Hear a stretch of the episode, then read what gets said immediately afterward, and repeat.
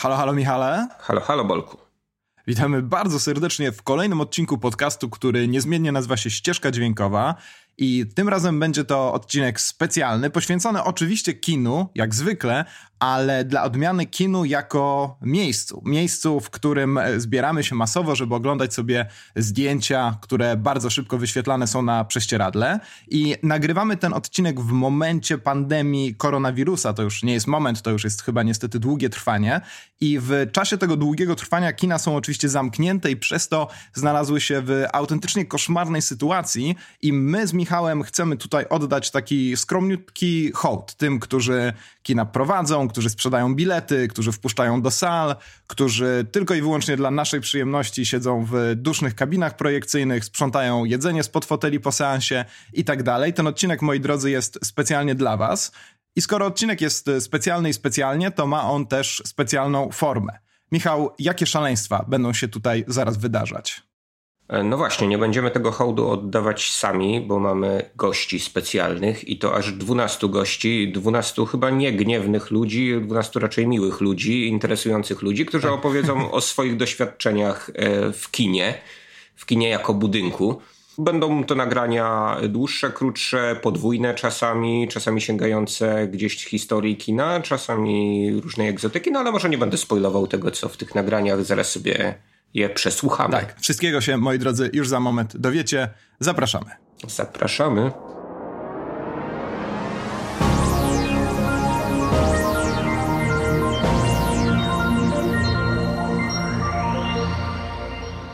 Na fanpage'u facebookowym Stowarzyszenia Kin Studyjnych update'owana jest, czy też aktualizowana, mówiąc po ludzku, lista kin, w których możecie już kupować bilet otwarty, czy też, mówiąc znowu nie po ludzku, voucher. To znaczy możecie już teraz kupić sobie bilet, wesprzeć to kino i wybrać się do niego zaraz, kiedy będzie można oficjalnie wyjść już z domu. Jeżeli waszego ulubionego kina nie ma na tej liście, to zawsze możecie napisać po prostu do ludzi z tego kina, zapytać, jak możecie ich wesprzeć. A jeżeli akurat nie macie pieniędzy, żeby ich wesprzeć, ponieważ walczycie o przeżycie, jak wielu z nas w czasie tej pandemii, to nie czujcie się źle absolutnie z tym i pamiętajcie o tym, żeby po prostu przy jakiejś tam najbliższej okazji i możliwości do kina iść. Pierwszym naszym gościem za moment, za momencik będzie nie kto inny jak Michał Oleszczyk. Michał Oleszczyk to oczywiście osoba znana z bardzo wielu aktywności. Tutaj może, ponieważ jesteśmy w takich podcastowych klimatach, ograniczymy się do jego podcastu o bardzo efektownej, lubianej przez nas nazwie Spoiler Master. I Michał, jak wszyscy nasi też kolejni goście, był na tyle miły, że przysłał nam nagranie. Posłuchajmy sobie, jakie tam Michał Oleszczyk miał w kinach przeżycia. Halo, halo Bolku. Halo, halo Michale. O, oh, wait, ja też jestem Michałem. E, witajcie, zawsze chciałem wypowiedzieć kultowe powitanie ścieżki dźwiękowej. Bardzo się cieszę, dziękuję za zaproszenie.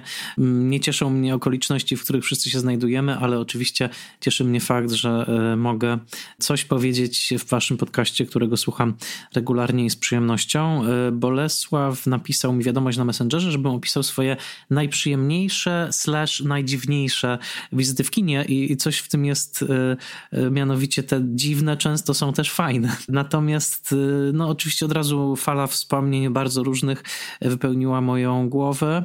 I tak e, spisałem na szybko, prawie pismem automatycznym e, te wizyty, które rzeczywiście po wielu, wielu latach we mnie nadal siedzą. I zacznę od takiej wizyty dla mnie magicznej, to znaczy od kina, które dla mnie pozostanie w mojej mapie pamięci najważniejszym kinem, to znaczy kina mojego dzieciństwa, kina Europa w Tarnowskich Górach, obecnie już nieistniejącego, znajdującego się przy Placu Żwirki i Wigury. Kino, które obecnie już jest hurtownią chińskich towarów, do której czasami zaglądam po to po prostu, żeby się poruszać w tej topografii, którą zapamiętałem z wielu set seansów. Wszystko w zasadzie tam jest tak samo, tyle, że zostały wyrwane fotele, ale sufit jest ten sam, no cała topografia, tak jak mówię, no obecnie w kasie biletowej bodajże można kupować okulary słoneczne, więc jest to zawsze słodko-gorzka wizyta, ale zawsze jak jestem w rodzinnym mieście, to tam idę, bo no zostawiłem tam ogromnie, ogromnie dużo emocji w tym kinie i jednym z moich takich magicznych seansów był seans filmu pod tytułem Śmiertelny Rejs. Tego może się nie spodziewaliście. Śmiertelny Rejs był filmem z roku 1998. Sam tytuł trochę przeraża w kontekście koronawirusa. Natomiast Śmiertelny Rejs e, to był film pod tytułem Deep Rising i dlaczego ten seans pamiętam? Dlatego, że wtedy zdarzało mi się chodzić na wagary, a to niestety nie pełne wagary, bo to było za zgodą rodziców.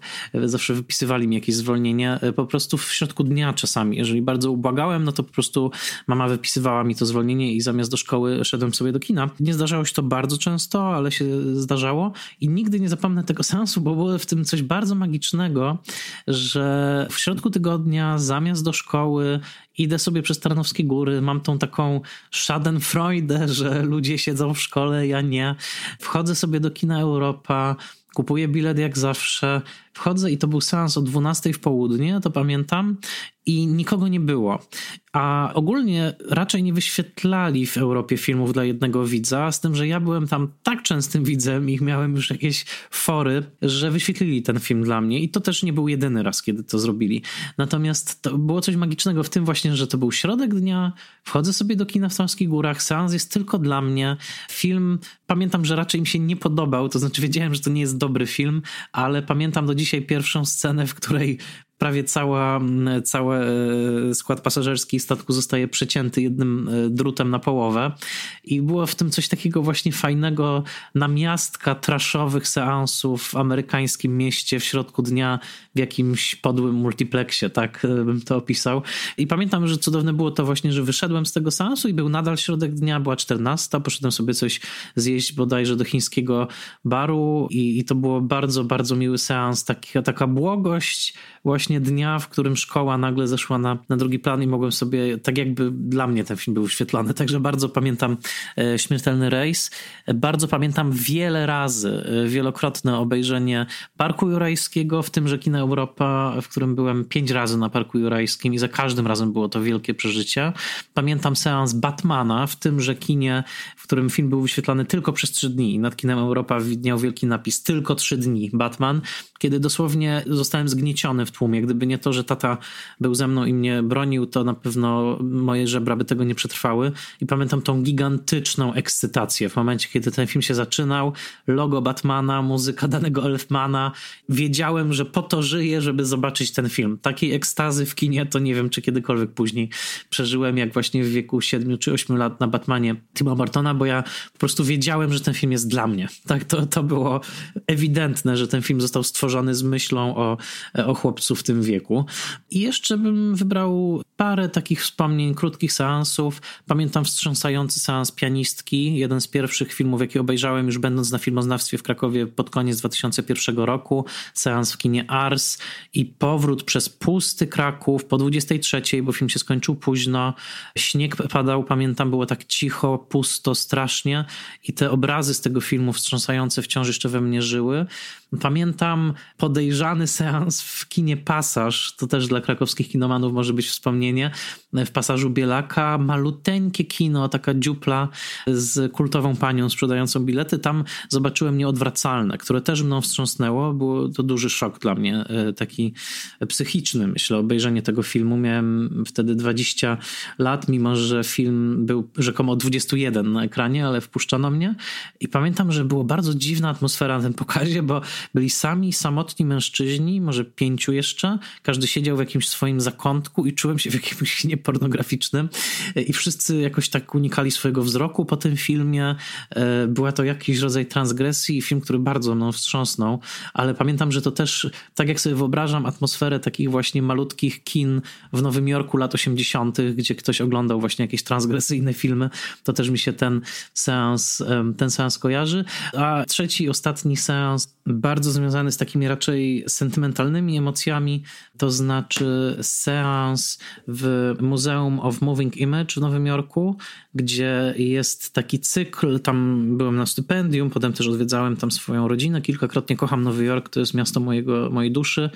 I tam co roku w Muzeum of Moving Image jest taki cykl See It Big, czyli dosłownie zobacz to w dużym rozmiarze, gdzie pokazują filmy w 70 mm. I ja nie byłem w swoim życiu na wielu pokazach 70 mm. Mam nadzieję kiedyś wybrać się do Krnowa. To jest mój wymarzony festiwal w tym roku ze względu na koronawirusa. Mimo, że widzę, że będzie, to, to nie wybieram się, boję się. Film pod tytułem The Right Stuff. The Right Stuff, film Filipa Kaufmana, jeden z moich absolutnie ulubionych filmów lat 80. Taka heroi komiczna, tak trzeba powiedzieć, saga o mm, wyprawie kosmicznej, wcześniej opisana przez reportera Toma Wolfa. Pierwszy krok kosmos, tak się ten film nazywa po polsku. Nie potrafię opisać swojej ekstazy, bo ja po pierwsze ten film kocham, po drugie uważam, że idealnie wyważa elementy komediowe i heroiczne, bo to jest bardzo patriotyczny amerykański film. Jednocześnie jest świetnie nakręcony i jest bardzo długi, bo trwa 3 godziny 10 minut. I była nabita sala, wszyscy, którzy byli na sali, znali ten film i kochali, i ta atmosfera tej miłości do tego filmu i tego, że wszyscy cieszymy się, że go oglądamy z 70 mm, była absolutnie Niezwykła. Okej, okay. kończę już powoli. E, rzutem na taśmę jeszcze jeden seans, który przeżyłem bardzo e, pozytywnie. To był seans filmu Bolero, słynnego złego filmu Johna Dereka z Bołderek, który obejrzałem na festiwalu Octopus w Gdańsku, gdzie zaprogramowałem go w serii. Udało się go pokazać w serii Malinobranie. Pod względem bekowego potencjału, tego jak bardzo nieudolność tego filmu i jego dziwna, erotyczna wyobraźnia nas rozbawiła na tej sali. Bawiłem się fantastycznie. Znaczy, ludzie ryczeli ze śmiechu, ja ryczałem płakałem ze śmiechu. To nie było jakieś takie ha, ha, ha, tylko to był po prostu pełny, trzewiowy śmiech i dwie godziny y, naprawdę czułem się jakbym po jakiejś odświeżającej kąpieli wyszedł, bo po prostu tak się wyśmiałem przez te dwie godziny razem z pełną salą ludzi, którzy doceniali to, jak ten film jest niedobry. Także takie moje wspomnienia kinowe, tęsknię za kinem i za takimi seansami. Koronawirusie precz. Pozdrawiam Was serdecznie, Bolku i Michale. Michał Oleszczyk e, otworzył wiele wątków, o których moglibyśmy tutaj pewnie godzinami i w zasadzie moglibyśmy tylko chyba te wątki z jego wypowiedzi podejmować, ale ja bardzo szybko przejdę do e, tego wątku Batmana, bo ja nie wiem, czy zdarzyło mi się tutaj już e, kiedyś chwalić na antenie, że to taki mój pierwszy seans filmowy w pełni świadomy, oczekiwany, zapowiedziany mm. i wybłagany zarazem. To znaczy ja byłem już nakręcony przez różne telewizyjne spoty, które zapowiadały, że ten Batman e, wchodzi do polskich kin. On wszedł do polskich kin kilka miesięcy po premierze amerykańskiej. Wszedł jak podpowiadają mi internety 31 grudnia 1989 roku, więc możecie sobie policzyć, jak stary jestem przy tej okazji. E, natomiast ja jakoś e, w roku 1990 już e, na niego poszedłem, nie poszedłem na premierę sylwestrową. Nie udało mi się mojego taty namówić na takie, na takie rzeczy. Zresztą do mojego rodzinnego miasta Jeleniej Góry ten film na pewno dotarł z pewnym opóźnieniem. Niestety nie zachował mi się bilet z tego seansu i nie pamiętam dokładnej daty, kiedy to było. Natomiast no, pamiętam całą otoczkę i tę taką wyszykowaną przeze mnie, bo miałem już jakiś tam plastikowy znaczek Batmana, jakąś e, podróbkę chińską, nomen omen chińską, bo do tych wątków chińskich też chyba zaraz e, sobie przejdziemy, a ku mojemu zdziwieniu na sali byli jeszcze cosplayowcy, to znaczy ja e, oczywiście nie znałem takiego słowa, dla mnie to byli przebierańcy.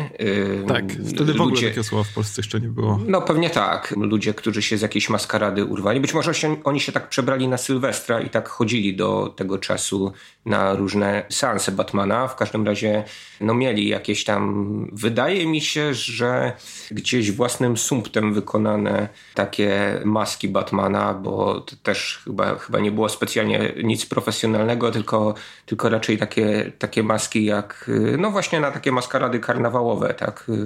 Czasami rodzice też takie pomagali przygotowywać, tak. Oni zamiast jakichś tam różnych dziwnych zwierzątek mieli właśnie, właśnie te rogi Batmana, no ale byłem zdziwiony, że tak wielu ludzi tak bardzo chce tego Batmana obejrzeć, że jeszcze identyfikują się z tą postacią i się za nią przebierają. Ja wcześniej sobie przeczytałem nowelizację tego filmu, pióra pana Craiga Shawa Gardnera, znanego głównie z tego właśnie, że pisał nowelizację. Znaczy on też podrabiał Terego Pratchetta, co mi potem powiedziały internety, ale y, no podrobił właśnie znaczy podrobił, no, nowelizował właśnie Batmana, Powrót do przyszłości też opisał książkowo, więc ja byłem przygotowany na wszystko, co na tym sensie się zdarzy, łącznie ze wszystkimi strasznymi scenami, no i przyznaję się, że scena, w której przepraszam za spoiler filmu sprzed 30 lat, Joker oblewa kwasem, znaczy nie tyle oblewa kwasem, co prezentuje jakby swoje dzieło, to znaczy dawną kochankę bossa mafii, no taką właśnie tutaj już podrasowaną, brzydko powiem, przez Jokera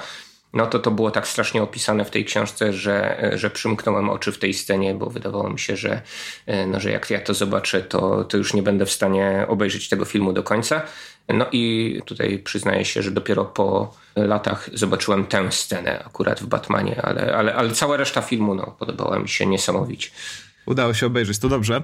O tych e, chińskich wątkach, o których wspomniałeś, to ja tu tylko wprowadzę taką erratę, którą Michał e, Oleszczyk też mi przesłał na Messengerze, że on najprawdopodobniej wtedy nie był w chińskim barze, tylko w pizzerii, kiedy był mały, bo w innej sytuacji to właśnie mielibyśmy taką ponurą ekonomiczną historię Tarnowskich Gór, w których najpierw jest tylko i wyłącznie taki niewinny chiński bar, a później już jakiś towar przepraszam, e, składnica towarów chińskich przejmuje kino i tak dalej, i tak dalej. Ja tutaj e, przyczepię się, czy też doczepię się do innego wątku, to znaczy... A to ja mogę wątek chiński, skoro ty go wywołałeś, no, słucham, potem słucham, nie wróci. Słucham. Tak, no, wątek chiński, skoro wywołany, tak łatwo się nie schowa. Dokładnie, no, ekspa- się mocno. o ekspansji chińskiej będziemy sobie pewnie często jeszcze mówić na łamach tego podcastu, ale chciałem powiedzieć o, y, o tym, że właśnie tak, takie E, mniejsze miasta no, są w ten sposób anektowane. Nie wiem, czy jest jakaś tendencja, może słuchacze się pochwalą, może u nich w miastach wygląda to tak samo, natomiast kino Marysieńka w Jeleniej Górze e, już nie było kino, zostało przekształcone na chińską galerię Lili. I to brzmi y, może równie ciekawie co kino Marysieńka, natomiast no niestety jest właśnie taką składnicą różnych rupieci. Ja w przeciwieństwie do mojego imiennika Michała Oleszczyka, y, no nie odwiedzam tej chińskiej galerii Lili, kontestuję y, takie miejsca, to znaczy przekształcenie świątyni kina y, właśnie w jakąś taką rupieciarnię zupełną. Być może można tam kupić jakieś ciekawe rzeczy, jakiegoś Mogłaja można kupić na święta. Mo może maski Batmana e, chińskiej produkcji. No na, na przykład, no, ale moja noga tam chyba nie stanie, tak. Dobrze, radykalne stwierdzenia, e, z tego słyniemy. Ja wrócę do wątku Hanekego. Michał opowiada o tym, że wracał po seansie pianistki przez e, ponury, mroczny Kraków, no i to rzeczywiście pewnie musi być taka dość nieprzyjemna sytuacja, pamiętając jaki to film, ale z kolei z e, innym filmem Hanekego wiąże się też jedna z moich ulubionych historii kinowych, to znaczy byłem kiedyś z mamą na filmie, mamo, pozdrawiam cię serdecznie, tato, ciebie też od razu, na filmie Ukryte Michaela Hanekego w katowickim kinie Światowit, który tu pewnie jeszcze nieraz powróci,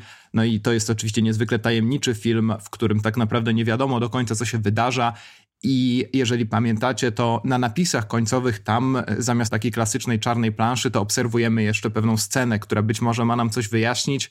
No i w momencie, kiedy film się oficjalnie kończy, to ludzie zaczynają wychodzić z sali kina Światowit ale orientują się bardzo szybko, że tutaj jednak należy ciągle patrzeć w ekran i tak przez całą salę kina światowit w takim jakimś dziwnym, wężowym wiju zaczyna tworzyć się taka kolejka do wyjścia, spowodowana tylko i wyłącznie tym, że najpierw jedna, druga, później dziesiąta, piętnasta i trzydziesta osoba orientują się, że mimo, że już wstali, to powinni jeszcze patrzeć. No i czy stamtąd się czegoś dowiedzieli, czy nie, no to moi drodzy, przypomnijcie sobie ukryte Hanekego. W każdym razie bardzo lubię, bardzo lubię ten fragment, ten moment mojego kinowego życia, kiedy nagle okazuje się, że w tym kinie w tym filmie jest dla nas coś jeszcze. Teraz oczywiście mamy sceny po napisach marvelowskie, więc wszyscy już z przyzwyczajenia siedzimy do końca, ale wtedy to rzeczywiście było coś niesamowitego. A może też zapowiedź, że Michael Haneke prędzej niż później nakręci długo wyczekiwany film superbohaterski. Sprytni kniarze teraz sterują światłem w taki sposób, żebyś wiedział, czy jest yy, tak, na co czekać, czy, czy, też nie. Jeżeli zapalą wszystkie światła, no to, no to raczej Ja i tak nie, zawsze, nie. jak się zaczynają napisy końcowe, to po prostu sprawdzam w Google, czy jest jakaś scena po napisach. Naszą gościnią tym razem będzie Kasia Czajka-Kominiarczuk, czyli oczywiście zwierz popkulturalny. Jest mi bardzo trudno wybrać jakieś takie jedno wspomnienie związane z chodzeniem do kina. Wydaje mi się, że to jest tak, że taka biografia filmowa jest związana zawsze z chodzeniem do konkretnych kin. Więc w dzieciństwie pamiętam Kino Wisła. Kino Wisła jest na placu Wilsona w Warszawie i to, co było najwspanialsze w tych wyprawach, to, że mój tata zabierając nas do kina nigdy nie mówił nam wcześniej, że idziemy do kina.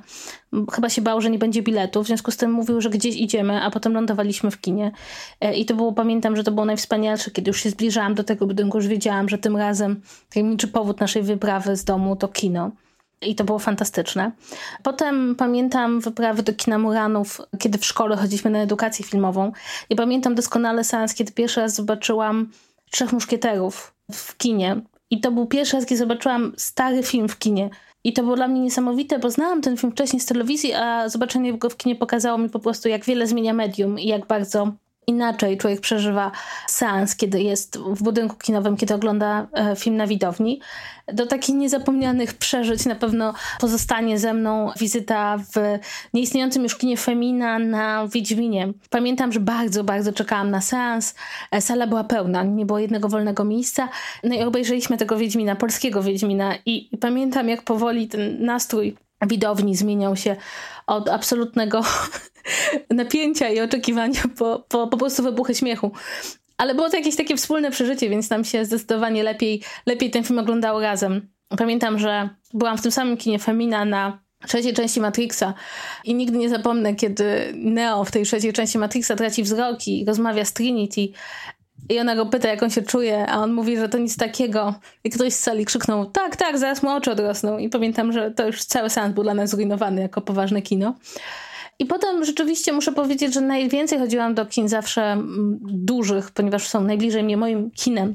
Jest lokalne Cinema City. I też muszę powiedzieć, że było kilka takich seansów, wieczornych pokazów dużych blockbusterów, w których fakt, że widownia była pełna ludzi, którzy chcieli obejrzeć ten film i którzy klaskali w niektórych momentach, sprawiło, że te filmy były dużo lepsze niż potem. I to też jest bardzo ciekawe, że na tej widowni pamiętam, że Avengers Endgame oglądane na widowni z ludźmi, którzy klaskali w, nie wiem, kiedy Kapitan Ameryka brał do ręki ręki Młot Tora. To był fantastyczny film, potem próbowałam go obejrzeć w domu, ale zastałam w połowie. Natomiast jeśli chodzi o takie drastyczne przykłady tego, jak e, czasem kino studyjne potrafi nas bardzo zaskoczyć, to nigdy nie zapomnę, jak e, poszłam na pokaz Obywatela Keina do Iluzjonu, więc może się wydawać, że to już bardziej snobistrycznie się nie da. I siedzę w jednym z ostatnich rzędów i słyszę, że ktoś obok mnie trochę mlaszcze. Odwracam się na bok i widzę obok mnie siedzi pani, która je pierogi ze słoika. Wtedy mnie bardzo to zirytowało, bo jakby trudno się oglądało film, ale dzisiaj, ilekroć ktoś mi mówi, że nie chodzi do multiplexów, bo ludzie się tam nie potrafią zachować jedzą popcorn, to ja mówię tak, w kinie Iluzjon ktoś może obok ciebie jeść pierogi ze słoika. Wydaje mi się, że to są takie rzeczy, których w żaden sposób nie da się zastąpić oglądaniem filmu samemu. Wielokrotnie zdarzyło mi się w życiu oglądać film, który był dużo lepszy, bo widziałem go w kinie. Zresztą też nigdy nie zapomnę takiego e, przypadku, kiedy ja się w liceum zrywałam z dodatkowych zajęć angielskiego, żeby chodzić do kina, do Cinema City na Bemowie. Wtedy to był jedyny duży multiplex niedaleko mojego domu. I pamiętam, że oglądałam w ten sposób raport mniejszości, przy czym raport mniejszości był dłuższy niż czas lekcji angielskiego, więc żeby wrócić do domu musiałam wyjść przed, przed ostatnim pół godziny filmu. I y, muszę powiedzieć, że kiedy kilkanaście lat później obejrzałam ostatnie pół godziny filmu, to do dzisiaj twierdzę, że oglądanie go wtedy bez tej ostatniej pół godziny było zdecydowanie lepszym wyborem, bo pamiętam, że ten film i obrazy z niego długo za mną chodziły. Niemniej wydaje mi się, że to jest właśnie niesamowite, że ten sam film oglądany w kinie potrafi być fantastyczny, zabawny, potrafi stworzyć jakieś olbrzymie przeżycie i wrażenie. A potem wracamy do domu i teoretycznie mamy lepsze warunki, jest cisza, możemy się skupić, możemy spauzować, ale to już, to już nie jest to samo. I dlatego chodzenie do kina chyba zawsze będzie miało olbrzymią wartość i jak tylko nas wszystkich wypuszczą, to, to ja mam już zapisane ilość seansów, na które pójdę, ilość czasu, które po prostu spędzę w kinie, czy to na dobrym, czy to na złym filmie, ale ważne, żeby z kimś, z widownią, na wielkim ekranie, bo tak się chyba powinno oglądać filmy.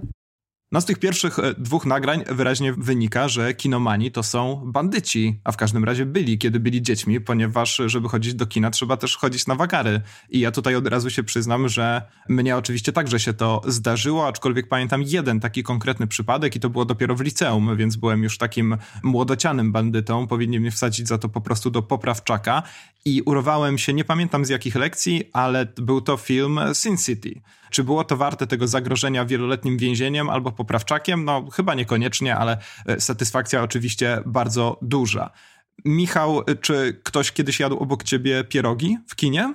Nie, próbowałem sobie przypomnieć taki najdziwniejszy posiłek, który ktoś koło mnie e, spożywał, e, no ale też ja nie jestem takim bandytą jak ty, więc nie dość, że nie, nie uciekałem z lekcji, to E, niezwykłem zaglądać ludziom w talerze, natomiast czasami dobiegały do mnie jakieś dziwne zapachy różnych sałatek, sałatka z tuńczykiem, to było chyba najdziwniejsze, co, co do mnie dotarło. I to było w takich warunkach festiwalowych, z tego co pamiętam. Zresztą szczególnie festiwal w Zwierzyńcu sprzyja tego rodzaju zachowaniom, to znaczy nie, żebym zachęcał kogokolwiek, ale fakt, fakt że o dziewiątej rano y, w kinie Skarb zaczynały się często bardzo fajne seanse, no sprawiał, że no, ci ludzie, którzy sobie lato w końcu i tak dalej, no, albo w ogóle no po prostu lubią przez cały rok dłużej pospać. Ja też teraz jem śniadanie, przyznaję się. Oczywiście w przerwach odmówienia. No to sobie... Teraz jem... śniadanie? Tak, teraz jem śniadanie. Wyobraź A, sobie. Okay. Jest rano. Wciąż.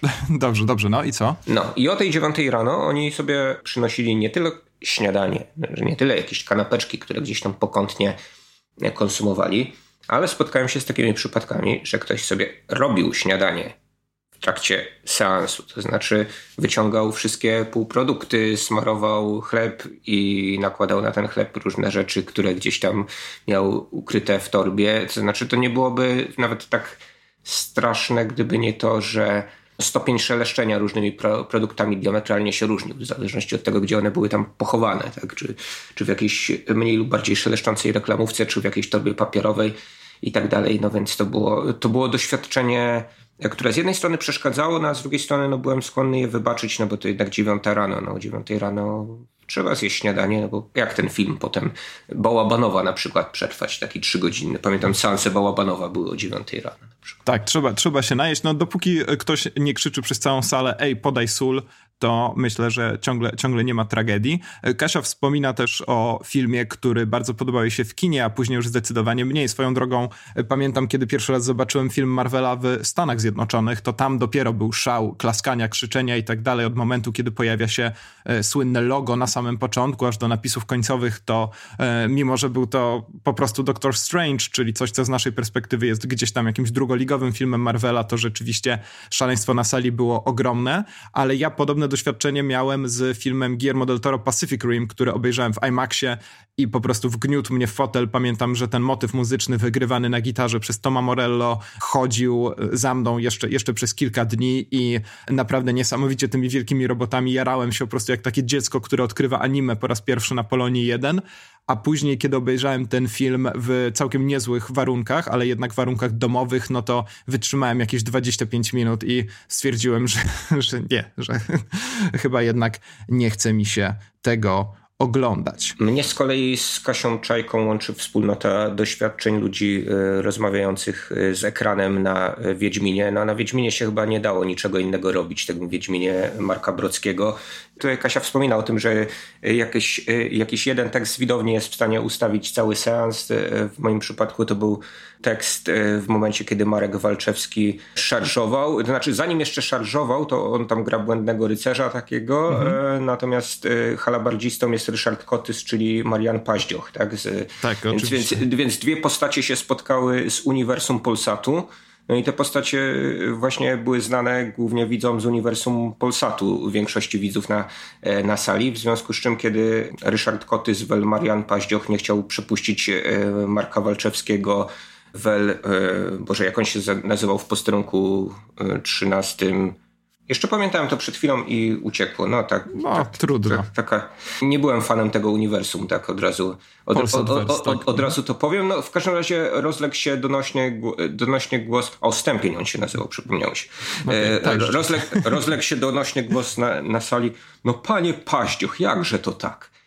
No i ten właśnie głos wprowadził nas w nastrój takiej wesołej biesiady staropolskiej, znaczy staropolskiej, no tak, tak, takiej, tak, tak. No, bardzo, bardzo starej baśni. Bardzo starej. Tak, tak. Dokładnie. No zresztą na późniejsze o wiele lat starej baśni wydaje mi się było e, podobnie. Jeżeli ktoś pamięta złowrogie miny Daniela Olbrychskiego, to e, doskonale wie o co chodzi. Drodzy słuchacze, kolejnym naszym gościem na odległość będzie nie kto inny jak redaktor naczelny sympatycznego czasopisma o tematyce audiowizualnej Ekrany, czyli Miłosz Stelmach.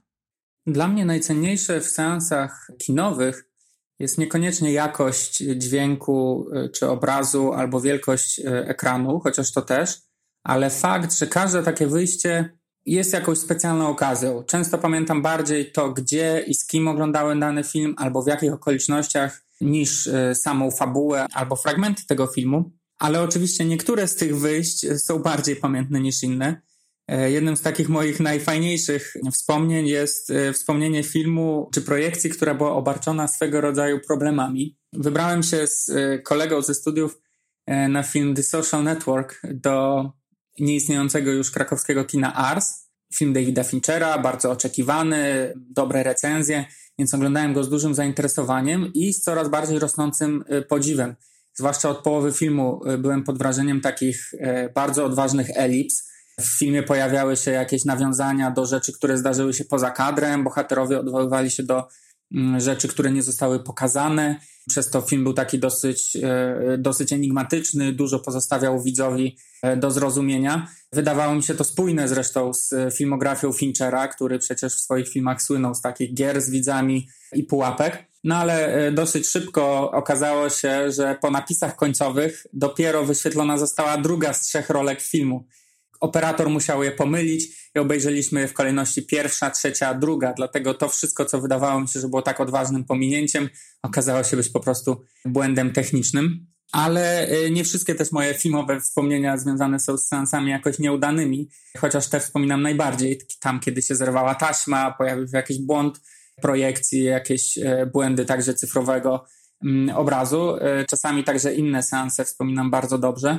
Jako filmoznawca i, i kinoman staram się odwiedzać kina gdziekolwiek jestem, także w podróżach. I parę lat temu E, będąc w Rzymie, nie mogłem e, przegapić niezwykłej okazji, jaką jest możliwość odwiedzenia najmniejszego wolno stojącego kina na świecie. Jest tam Cinema dei Piccoli, które ma tylko 60 kilka miejsc, mieści się w małym domku, który wygląda jak taki mały domek z bajki jakiejś. Problem jest taki, że kino to specjalizuje się głównie w repertuarze dla dzieci. Są tam też e, arthouse'owe filmy, głównie europejskie, ale akurat kiedy byłem w Rzymie, nie grano tam nic w żadnym ze znanych przeze mnie języków. Jedyny anglojęzyczny film, jaki znalazłem w repertuarze, to film e, studia DreamWorks Trolle. E, więc wybrałem się do Cinema dei Piccoli na film Trolle. Czułem się trochę niezręcznie, bo na sali było jakieś 60 dzieciaków w wieku między 6 a 10 rokiem życia i ja jeden. Starałem się usiąść jak najbardziej z boku, żeby nikomu nie zasłaniać i z dużą przyjemnością obejrzałem film, a reakcje e, akurat dziecięcej widowni były świetne. Zresztą okazało się, że Trolle to taki dosyć psychodeliczny film, który dla dorosłego widza może być e, fajny, ale dzięki temu to jeden z bardziej pamiętnych przeze mnie seansów. Jeszcze osobną kategorią, którą bardzo lubię, są najważniejsze seanse, na których nie byłem. I tak się składa, że zwłaszcza kino Newa w Zielonej Górze, gdzie się wychowywałem, tutaj e, przoduje, bo e, wówczas, kiedy ja do niego uczęszczałem, potrzeba było przynajmniej trójki widzów, żeby seans w ogóle się odbył. Jeden z takich filmów, e, których nie zobaczenia bardzo żałowałem, e, było Manderley Larsa von Trier'a, na które wybrałem się dość podekscytowany. To był moment mojej fascynacji tym reżyserem. Czekałem, kiedy wreszcie ten film dotrze do naszego kina w Zielonej Górze. No ale był, jak się okazało, byłem jedynym jego zwolennikiem. Obdzwoniłem nawet wszystkich znajomych, którzy mieszkali w pobliżu, żeby zebrać te trzy bilety ale niestety nie udało się i odszedłem z kwitkiem do domu. Ja jestem bardzo zdziwiony, że pan redaktor Miłosz Stelmach nie kupił tych trzech biletów, e, znając jego determinację w oglądaniu filmów. E, no, dzisiaj pewnie to e, zrobił. Natomiast ja pamiętam podobne praktyki znowu z mojego rodzinnego miasta, gdzie też różnie nam mówiono, tam od trzech do pięciu osób musi być minimalnie, żeby na dany seans wejść, a my z kolegą mieliśmy takie szczęście w nieszczęściu, że uczestniczyliśmy w różnych e, konkursach radiowych. Ja to chyba kiedyś mówiłem na antenie zresztą tę anegdotkę. Nie pamiętam, ale, żebyś kiedykolwiek może, brał udział w jakimś konkursie radiowym. może słucham. przypomnę. To znaczy, no, e, kolega był bardziej odważny ode mnie, siedziała w podstawówce jeszcze głębokiej on dzwonił do tego radia, był wyższy ode mnie, więc miał lepszy głos. Więc też. oddzwonił, bo był tak, wyższy. Tak, tak, tak. To znaczy bardziej się mógł podawać za dorosłego też. Najłatwiej tak, było wchodzić tak. na filmy dla dorosłych przede wszystkim. To, to jest bardzo ważny aspekt tych, tych naszych wspólnych wyjść. Natomiast y, on dzwonił do tego radia, czasami znał odpowiedź na pytanie, które padało w radiu, y, na które trzeba było udzielić odpowiedź, żeby wygrać tę podwójną wejściówkę.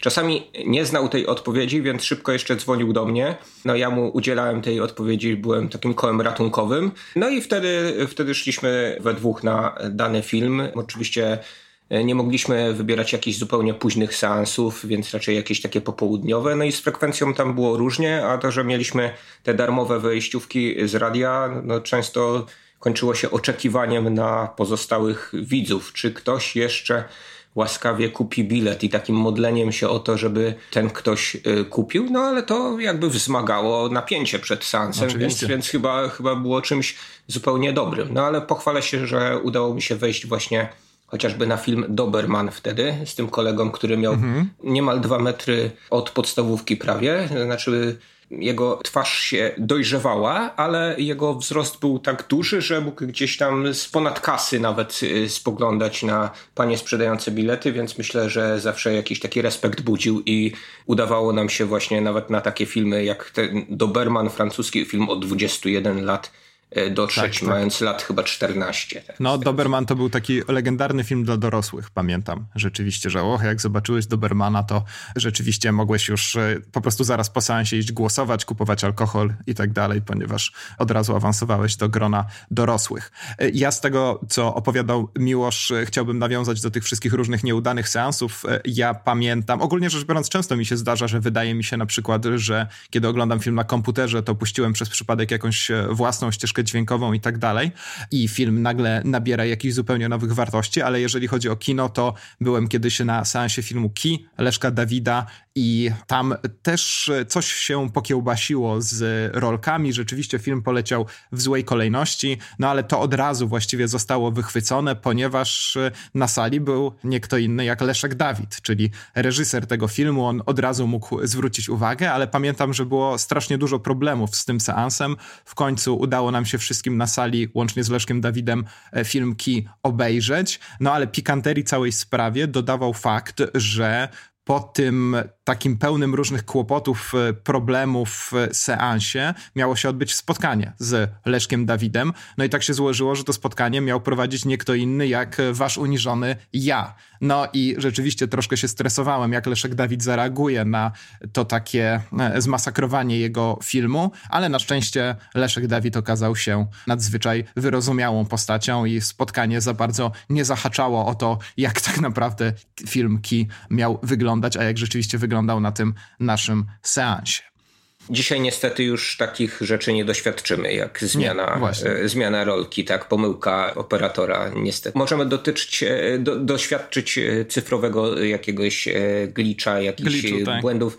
Tutaj dziwi mnie trochę, że Miłosz nie wspomniał o jednym z jego ulubionych, jak kiedyś mówił, mhm.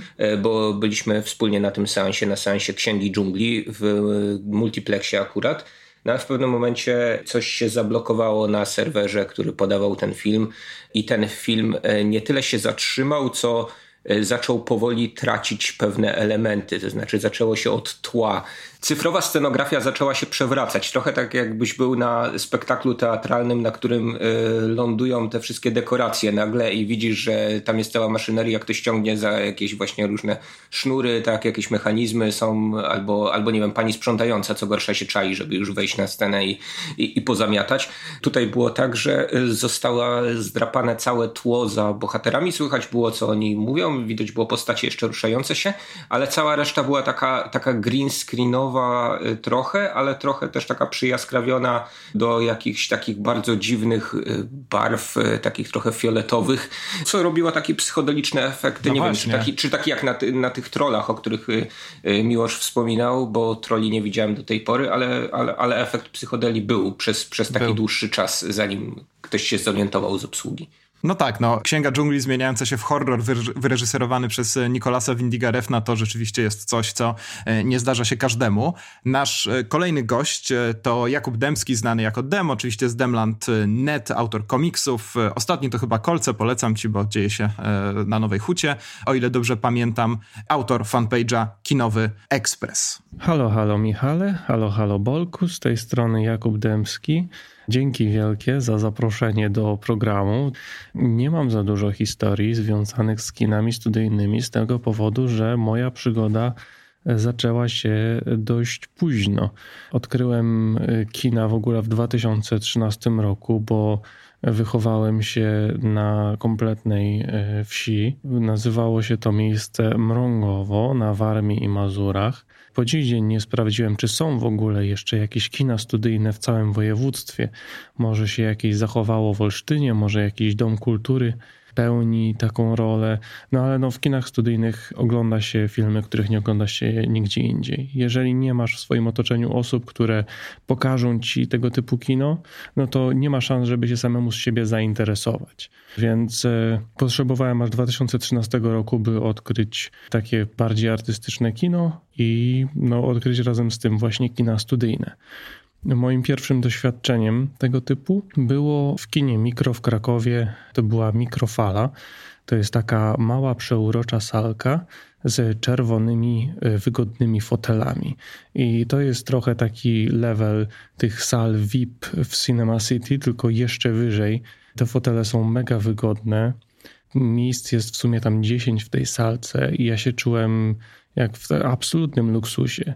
I okazuje się, że w tej sali bilety są jeszcze tańsze niż w tej dużej. Więc byłem już pod wrażeniem e, i na tak, pod tak dużym wrażeniem tej salki byłem, że jeszcze bardziej niż być może powinien podobał mi się film Blue Ruin Jeremiego Solniera, który tam widziałem. E, o ile się nie mylę, umieściłem go wtedy na pierwszym albo drugim miejscu na swojej liście roku. Myślę, że właśnie po części przez to, jak e, jak bardzo podobało mi się ogólnie to doświadczenie.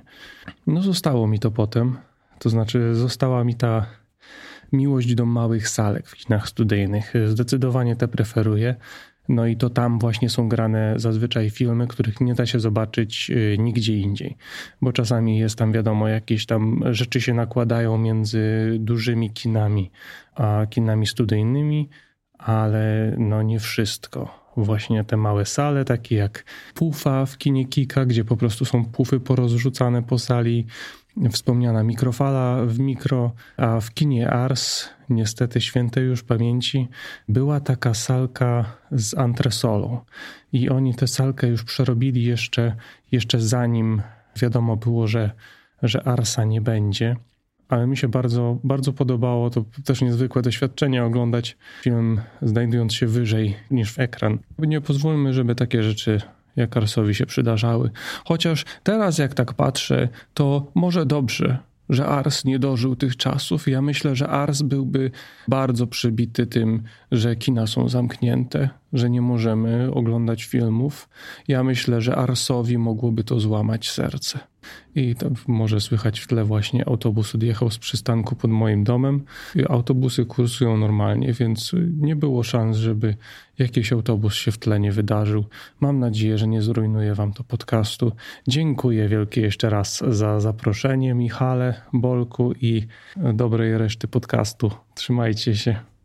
No to może e, zaczniemy od takiego wezwania do ludzi z warmińsko-mazurskiego, żeby powiedzieli nam, e, jakie tam mają jeszcze kina, czy w ogóle coś oprócz jakichś e, multiplexów się zachowało. Ja namierzyłem kino Zodiak od razu o, tutaj w Mrągowie, no że działa takie Centrum Kultury i Turystyki i balkon mają, także polecam, polecam demowi. Jeżeli jeszcze kiedyś po tym, jak skończy się pandemia, wróci w rodzinne strony, to już wie, gdzie może się kierować. Jeżeli chodzi o kina w takich małych miejscowościach, no to dla mnie to jest zawsze rzecz głęboko fascynująca, ponieważ ja jestem zwierzęciem miejskim, które przez całe życie przemieszczało się, jeżeli chodzi o granice polskie między Katowicami, Krakowem a Warszawą. I pamiętam, niedawno całkiem odwiedziłem Nowy Targ, co mi się dość często zdarza w sumie, no bo to w celach poruszania się po górach. I tam jest kino Tatry. I tak naprawdę pierwszy raz miałem trochę czasu, żeby iść sobie w okolice tego kina.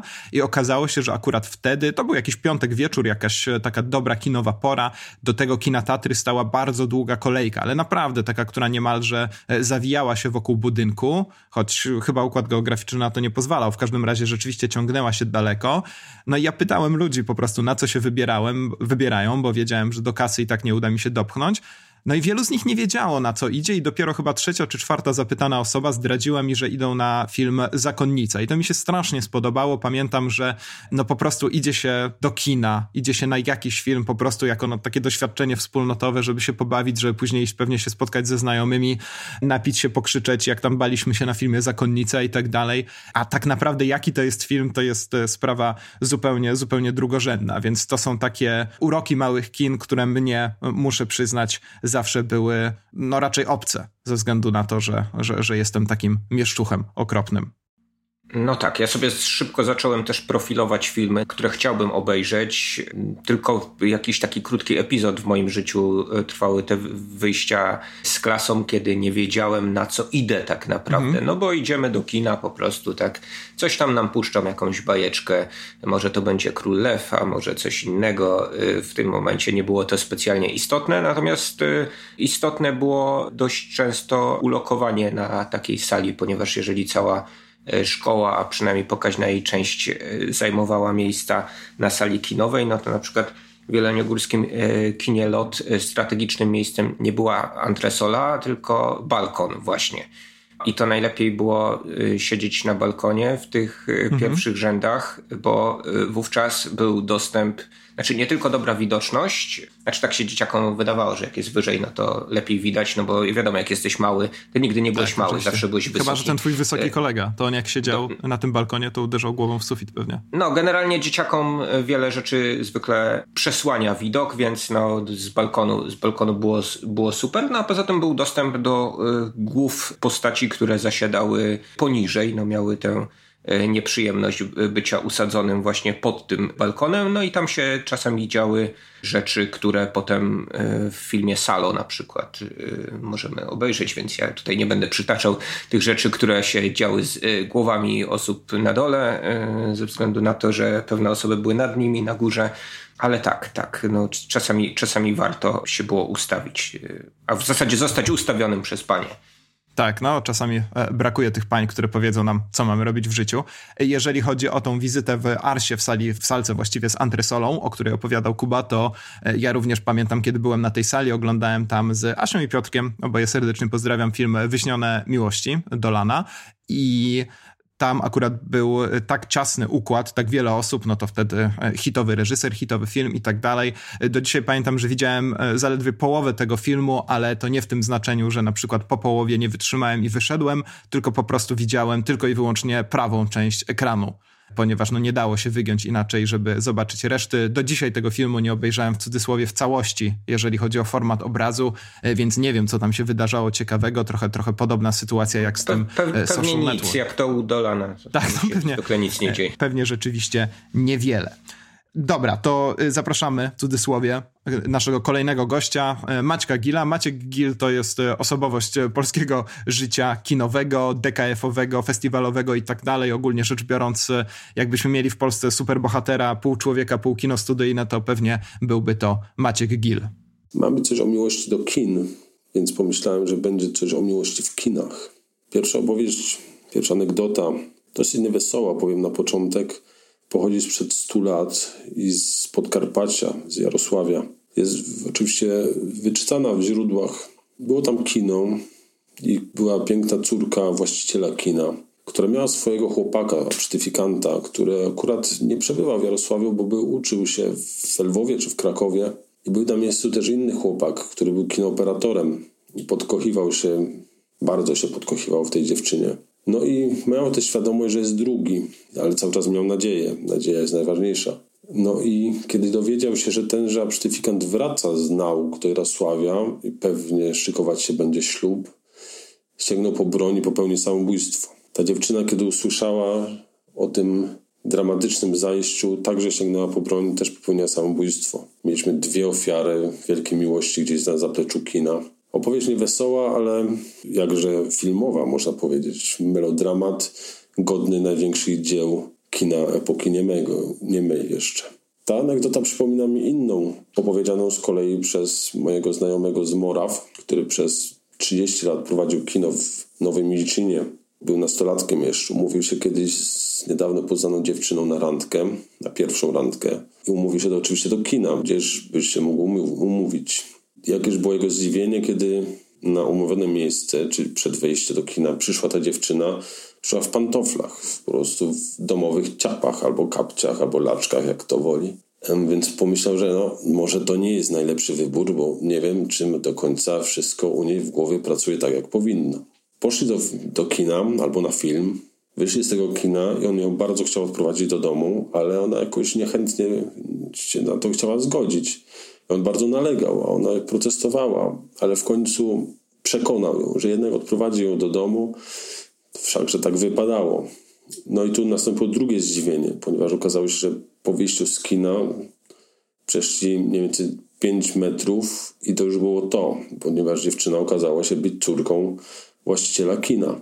Ta opowieść na szczęście ma szczęśliwy koniec.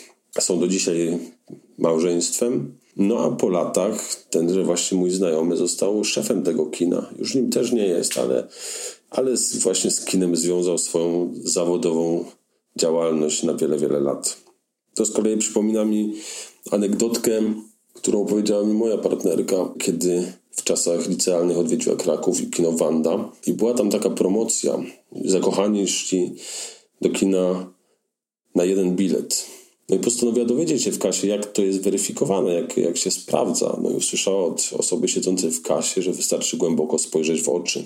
No to jest dobra zasada i tylko najlepsi kasjerzy i kasjerki mają tę zdolność niewątpliwie.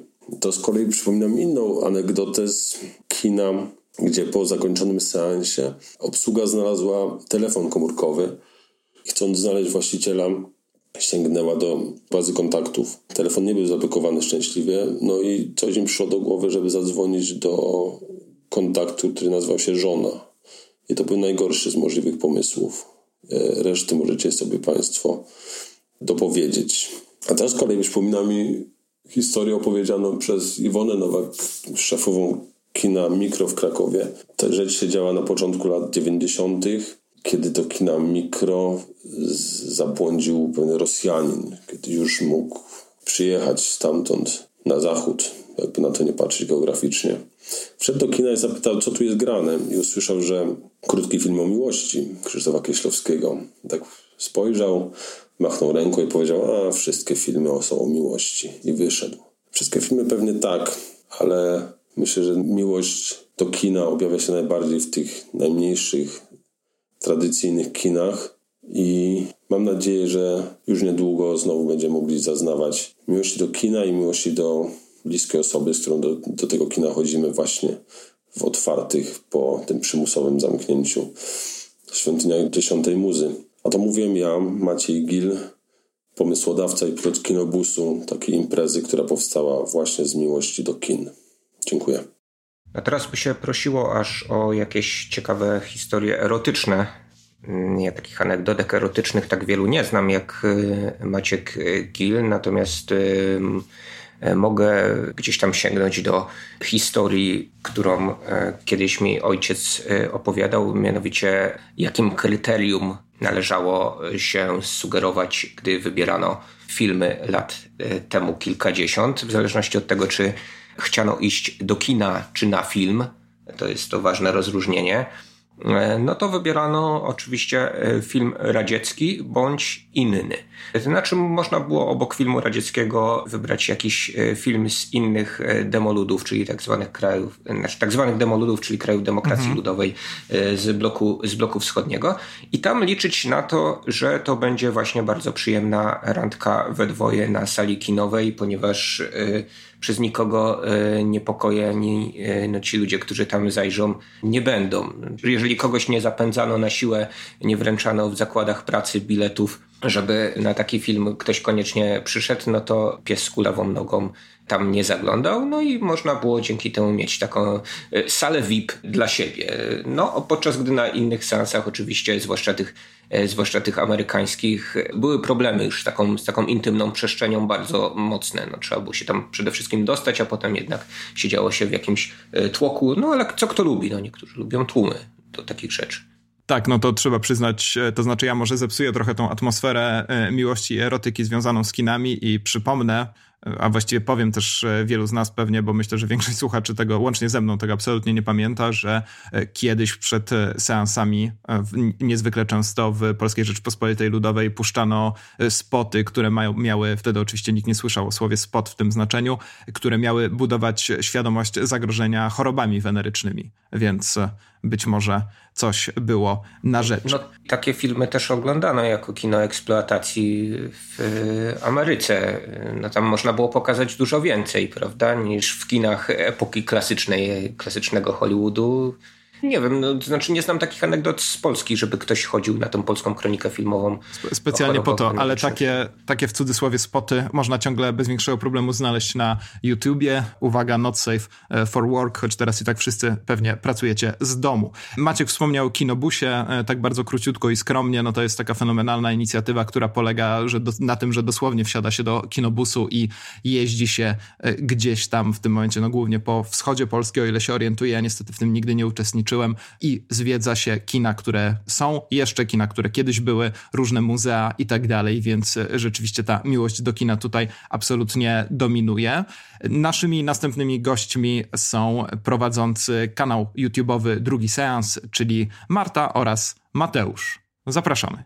Cześć! Tu Marta i Mateusz z kanału Drugi Seans, na którym, przynajmniej teoretycznie, tak dogłębnie omawiamy filmy, że czujecie się jakbyście je obejrzeli drugi raz. Bardzo ładnie nas przedstawiłaś, poza tym tylko, że nie teoretycznie, tylko naprawdę tak omawiamy filmy, że możecie się poczuć, jakbyście obejrzeli je po raz drugi. Możecie się przekonać. Tak. Dobra, to może zacznijmy od ciebie, Mateuszu. Jakie jest twoje najgłębsze, najbardziej intymne wspomnienie z kinem? To będzie wspomnienie z dzieciństwa. Zaskoczenie. Był rok 1997. Pamiętam to jak dziś. Dokładnie. Wtedy jeszcze dinozaury chodziły po ziemi.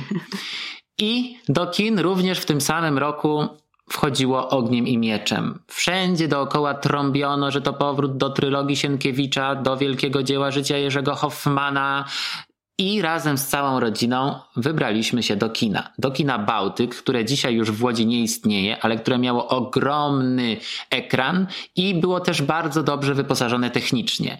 A więc dla takiego malutkiego Mateuszka wizyta w takim dużym kinie była wybitnym doświadczeniem, tym bardziej, że nieczęsto chodziliśmy e, całą rodziną do kina. No i jakaś tam magia tej super produkcji polskiej wpłynęła na mnie w sposób wyjątkowy, do tego stopnia, że później przez wiele, wiele miesięcy bawiłem się, wyobrażając sobie, że jestem albo skrzetuskim, albo podbipiętą. Robiłem y, różne sytuacje z ogniem mieczem w Lego, bawiłem się na działce.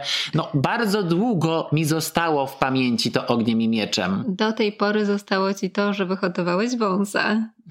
Ale nie, nie brałem pod uwagę tego, że to z ogniem i mieczem, no ale jakby brać pod uwagę głęboką psychologię, to może ma to jakiś związek. Ale muszę zapytać, czy fakt, że głównego bohatera odgrywał Michał Żebrowski, a ty jesteś Mateusz Żebrowski, czy to no, miało, miało... Miało, miało, miało, miało bardzo duże znaczenie. Dla mnie bardzo się identyfikowałem. To był w ogóle wspaniały rok, bo w tym samym roku był jeszcze Pan Tadeusz, również tak. z Michałem Żebrowskim i to była największa gwiazda kina i pomyślałem sobie, że skoro ja Żebrowski, on Żebrowski, to tak jakbym ja też był sławny. Jakaś logika za tym stoi. Także, jak dobrze słyszeliście, warto inwestować w wielkie polskie produkcje, bo później dzieci mają do czego wracać wspomnieniami. Dziękuję panu Jerzemu Hoffmanowi z tego miejsca. Skoro już jesteśmy na dzieciństwie, to ja muszę przyznać, że ja trochę miałam taki kinowy falstart, ponieważ jak dobrze pamiętam, pierwszym filmem, na który się w ogóle wybrałam kiedykolwiek, a była to mała sala w miejskim domu kultury, to był to straszny film. A ja miałam kilka lat. I pamiętam jak dziś, że moja mama, która była pedagogiem, która chciała na coś zabrać młodzież do kina, dopytywała się, ale czy ten film będzie dobry dla dziecka? Czy ja będę mogła też go oglądać? Czy ja też tam mogę się wybrać? I nastolatkowie, wiadomo, tam zapewniali, że proszę pani, pani pedagog, przecież to jest śmieszna komedia, dziecko na pewno będzie się dobrze bawić.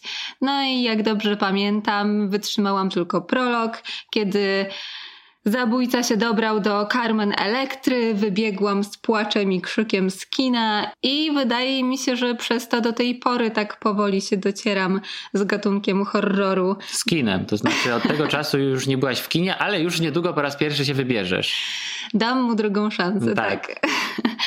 Nie no, całe szczęście niedługo potem pojawił się mój brat na białym koniu, który zabrał mnie też do Bałtyku. I tym razem wybrał coś bardziej w moim guście, czyli zabrał mnie na Władcę Pierścieni, pierwszą część. I był to seans, który na całe życie mnie naznaczył. Do 16 roku życia gorąco wierzyłam w to, że wreszcie się dostanę do Śródziemia, że Gandalf przyjedzie po mnie i mnie zabierze. Ale wiesz, że tego nie było ani w książce, ani w filmie, że ludzie z naszego świata dostają się do Śródziemia. To nie Harry Potter. Fakt, u mnie był trochę taki miks pomysłów pod tym względem. Ale nie wiem, czy zauważyłeś, jest tu taki punkt wspólny, ponieważ ty masz polską superprodukcję, ja mam amerykańską superprodukcję. Kto jest patriotą? Ja jestem cała oddana Śródziemiu, no przykro mi. Ty po prostu jesteś patriotką Śródziemia. Ale skoro każde z nas już odniosło się do swojego dzieciństwa i do wspomnień z kinem z lat najmłodszych, to warto powiedzieć co nieco o naszym wspólnym doświadczeniu, jakże przeuroczym. Och, mieliśmy dużo wspólnych wspomnień, mniej przeuroczych, ale tak, opowiedzmy o tym najbardziej uroczym. Tak.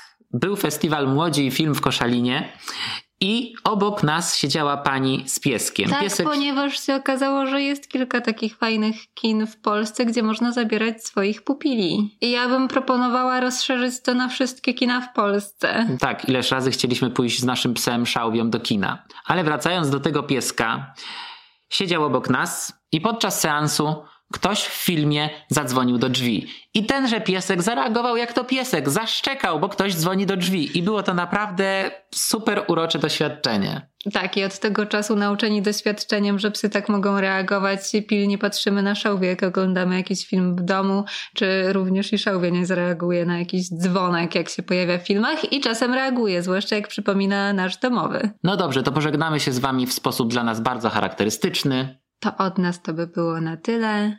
Pa! Wśród e, wielu fascynujących tematów, e, tym, który przykuł moją uwagę, jest e, fakt, że w Łodzi było kino Bałtyk i nawet no, zastanawialiśmy się z Michałem nad tym, ile w Polsce z daleka od Bałtyka, Bałtyku było, było kin pod taką nazwą. No i na stronie Śląskie Travel znalazłem informację, że w ciągu lat kina Bałtyk, poza Raciborzem, bo artykuł dotyczy kina w Raciborzu, funkcjonowały również w Łodzi, to już wiemy, ale też Sopocie, no, okej, okay, to można zrozumieć, Brzesku, Inowrocławiu, Szczecinie, Włocławku, Poznaniu, Suwałkach i Bytomiu. Także no, fantastyczna wizja dla prawdziwych patriotów. Polski od morza do morza, do morza, od morza i tak. znowu do morza. Także Bałtyk dla wszystkich. Mogłeś dos- dokonać symbolicznych zaślubin z morzem tak naprawdę w swojej rodzinnej miejscowości, tak? Tak, na przykład, na przykład w Bytomiu, co mnie szczególnie... No to moja dziewczyna mi powiedziała właśnie o tym, że, że Bałtyk w Bytomiu także istnieje. Tak mówiłeś, że tam dofedrowali się do morza rzekomo, tak? No najprawdopodobniej, no Bytom w końcu znany jest niestety z tego, że ma sporo różnych dziur w takich miejscach na ulicy, w których dziur być nie powinno, także być może któraś z nich prowadzi do Bałtyku. Oczywiście pozdrawiam Bytu, jest niezwykle bliskie mojemu sercu. Chciałem to mnie też... skłoniło, tylko hmm? od razu powiem, do takich właśnie rozważań na temat nazewnictwa polskich kin i być może słuchacze będą w stanie cokolwiek hmm. więcej powiedzieć o kinach w swoich miejscowościach, czy nazywały się oryginalnie, czy nieoryginalnie, dlatego że zacząłem się zastanawiać, dlaczego kina e, w całej Polsce nazywały się e, często tak samo, tak? Świt, Zorza, Jutrzenka, Bałtyk, Wisła, Odra i tak dalej. Tak, e, Rialto. Być może... No, hmm. Rialto to chyba tylko w Katowicach. Właśnie nie, jestem jakieś... przekonany, że było więcej kin Rialto. Tak? Ale musiałbym Co? sprawdzić. No, wydaje mi się, że te nazwy były takie dosyć, dosyć proste, dlatego żeby nie były ideologicznie podejrzane w żaden sposób, tak? W momencie, kiedy te kina gdzieś tam instalowano po II wojnie światowej. E, natomiast pochwalcie się tym, jak nazywają się kina w waszej miejscowości, albo jak się nazywały i czy, czy miały jakieś ciekawsze nazwy może niż Kino Tatry na przykład też było w Jeleniej Górze, prawda? I ty tak? też wspomina, wspominałeś Kino Tatry. Nie wiem dlaczego. Wiesz, e, te na, najpiękniejsze cechy Polski zamknięte w tym najpiękniejszym z miejsc. Marta opowiada o tym właśnie na, na jakie filmy była, była prowadzona z klasą ja też mam taką historię dotyczącą właśnie tego, jak nauczycielka do końca nie wiedziała, na co nas zabiera. Pamiętam, że to było w podstawówce, czyli miałem e, najprawdopodobniej nie więcej niż 11-12 lat. Byliśmy w miejscowości Wisła. Nazwy kina niestety nie pamiętam. Nie zdziwiłbym się, gdyby nazywało się Wisła po prostu. I zostaliśmy zabrani przez naszą wychowawczynię całą klasą na film, uwaga, Żołnierze Kosmosu. Verhovena. To jest oczywiście film znakomity, do dzisiaj bardzo go lubię, ale no jest to też film, drodzy słuchacze, pewnie doskonale zdajecie sobie z tego sprawę, no nie dla dzieci, mówiąc delikatnie, ale świetnie się na nim bawiliśmy, no i do tego pamiętam, że zapłaciliśmy za bilet 5 złotych, moi drodzy, 5 złotych, także no, wydaje mi się, że ten, że, że ten film jednak ma dużą wartość edukacyjną, uczy, że Biologii, na, nazizm, nazizm nie ginie nawet w kosmosie, uczy o perswazyjnej sile reklamy, której nie należy ulegać i tak dalej, i tak dalej, więc wydaje mi się, że warto. Tak, tak, tak. tak. w ogóle pokazujcie swoim dzieciom Verhovena już od najmłodszych lat. Ja niestety nigdy nie byłem w kinie ze zwierzakiem, nie spotkałem też żadnego zwierzaka w kinie, ale wiem, że pies moich rodziców, Korek, Korciu, pozdrawiam cię serdecznie, który jest psem niewidomym, niezwykle lubi filmy z Jasonem Stathamem. To znaczy, kiedy słyszy, jak Jason Statham rozbija szczęki na ekranie, to zawsze się ożywia, merda ogonem, strzyga uszami i w cudzysłowie patrzy na ten ekran z taką e, fascynacją. Także to jest w ogóle osobna, osobna kwestia, prawda? Jak zwierzęta reagują na filmy, na kino i tak no dalej. No tak, mówiłem ci o tym, że pies moich rodziców niespecjalnie zainteresowany jest tym, co się dzieje na ekranie telewizora. Nie wiem, jakby zareagował na to, co się dzieje w kinie, bo to też inny rodzaj dźwięku właśnie z różnych e, miejsc dobiegający, natomiast no, telewizor go niespecjalnie interesuje, chyba, że rozlegają się tam jakieś syreny policyjne na przykład, albo, no tak, albo karetki, więc to jest taki pies, który nie jeździłby koleją, tylko wozem strażackim zapewne, bo on często, często wyciem towarzyszy e, tym właśnie pojazdom. No tak, aczkolwiek chyba, chyba jemu też towarzyszy jakaś, jakaś przykrość e, w tym wszystkim. Jeszcze takie Ale wezwanie... To, to, to, wygląda jak taka solidarność kojotów raczej niż jako, jak przykrość, którą by mu takie dźwięki sprawiały. Chciałbym jeszcze zakończyć takim wezwaniem do władców Lego, żeby wprowadzili wreszcie zestaw Lego Trylogia Sienkiewicza. Myślę, że wielu z nas by się z tego naprawdę ucieszyło. Tak, A trzy teraz... osoby myślę. Nie, ja bym, ja bym na pewno kupił, pamiętam swój seans e, Ogniem i Mieczem w kinie Rialto. Zresztą właśnie bardzo przeżywałem śmierć podbipięty, zresztą zarówno w kinie, jak i wtedy, kiedy czytałem Ogniem i Mieczem. I teraz e, zapraszamy do naszego studia wirtualnego Kaję Łuczyńską. Kaja to jest osoba, która dźwiga no nie tylko na swoich barkach, ale niewątpliwie duży ciężar tam spoczywa krakowską edukację filmową. Jest też autorką bloga Orbitowanie bez cukru. Cześć, tu Kaja Łuczyńska. E, nie będę pewnie oryginalna mówiąc, że uwielbiam chodzić do kina, ale muszę przyznać, że bardzo często, a właściwie kiedy to tylko możliwe, siadam w pierwszym rzędzie. E, nie chodzi tu jednak o taką kinofilię, jaką znamy z marzycieli Bertolucciego, że obraz filmowy koniecznie musi dotrzeć do mnie jako pierwszej, e, ale chodzi raczej o to, że inni widzowie bywają zbyt fascynujący i skutecznie odwracają moją uwagę od tego, co dzieje się na ekranie. Drapacze, dogadywacze, komentatorzy amatorzy, wierci pięty, ściągacze butów, nałogowi sprawdzacze telefonów. Nigdy nie sądziłam, że to powiem, ale strasznie za wami tęsknię. Tak samo zresztą jak za samymi kinami i nie mogę się doczekać, kiedy znów będę mogła usiąść w moim ulubionym pierwszym rzędzie sali kinowej. Ale mówiąc poważniej, e, sytuacją, która stosunkowo niedawno pokazała mi w pełnej krasie wspólnotę kinowego przeżywania, magię kina, była sytuacja, która miała miejsce na e, seansie filmu Pewnego razu w Hollywood, który widziałam wkrótce po premierze w krakowskim kinie pod Baranami. Ciemna sala, wypełniona po brzegi, a na ekranie no nie kto inny jak właśnie sam Brad Pitt w scenie naprawiania anteny na dachu. Wszyscy w ciszy i napięciu obserwują to, co dzieje się na ekranie, a tam, no proszę Państwa, kluczowa scena. Brad Pitt pozbywa się koszulki, by odsłonić przed widzami swój oświetlony kalifornijskim słońcem tors. Z co najmniej kilku miejsc na sali, przerywając tą idealną, pełną napięcia ciszę, słychać było. No, muszę przyznać, że nigdy wcześniej nie poczułam takiej wspólnoty przeżywania, co wówczas. I tak na koniec, już w ramach tajemnicy, muszę przyznać, że jedno z tych westchnień, no mam nadzieję, że to najcichsze, było moje. Kaja poruszyła wątek e, zajmowania miejsc e, w kinie, wątek mhm. bardzo, bardzo mnie zawsze frapujący, bo oczywiście ja mam namierzone pewne miejsca, jeśli idę do multiplexu, to jest zawsze gdzieś tam środkowy rząd, możliwie najbliżej środka, tak żeby ta perspektywa centralna była taka zgodna ze wszelkimi prawidłami malarstwa klasycznego. Natomiast y, no, jeśli chodzi o kina studyjne, to sytuacja się tutaj komplikuje, bo te ekrany są właśnie różnie umiejscowione. Czasami gdzieś, No, czasami gdzieś daleko za sceną, czasami gdzieś wysoko, czasami trochę niżej i to jest no, strategiczna decyzja. Czy siedzieć gdzieś zupełnie blisko, ale ryzykować to, że trzeba będzie mieć głowę niemalże w pozycji jak do snu, no coś może snem skończyć, y, albo nie wiem, jakimś zesztywnieniem karku przedziwnym, czy też właśnie wybrać jakiś, jakiś trochę dalszy rząd, ale y, ryzykując z kolei to, że przy takiej wypłaszczonej widowni na przykład będziemy widzieć głowę człowieka w afro, tak, albo, albo jakiejś pani w kapeluszu. Dlatego też no, ja zwykle decyduję się jednak w małych kinach na właśnie ten pierwszy rząd, na miejsce, miejsce na środku.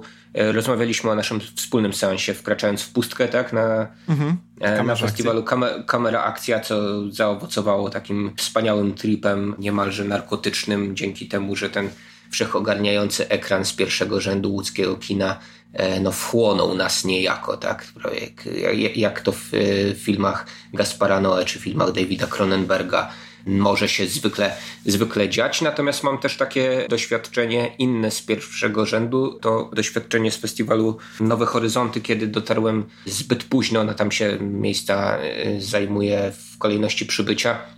Dotarłem zbyt późno na film nagrodzony e, Złotą Palmą, film Ży Życie Adeli pana Keshisha. No i też byłem y, zmuszony do tego, żeby usiąść w pierwszym rzędzie sali numer jeden kina Nowe Horyzonty, co znowu było jakimś takim bardzo imersyjnym doświadczeniem, tym razem natury erotycznej. Dosyć ciekawym też pod względem tego, że ten ekran jest właśnie jakiś taki wygięty. Trochę to oglądałem jak mecz tenisowy. Czasami E, to znaczy musiałem gdzieś tam skakać oczami z e, lewej części ekranu do prawej części ekranu.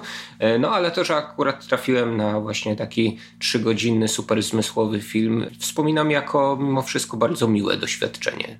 Pierwszorzędne, no tak. pierwszorzędne. Ha, no proszę, wreszcie, wreszcie jakiś dobry żart w tym podcaście dzisiaj.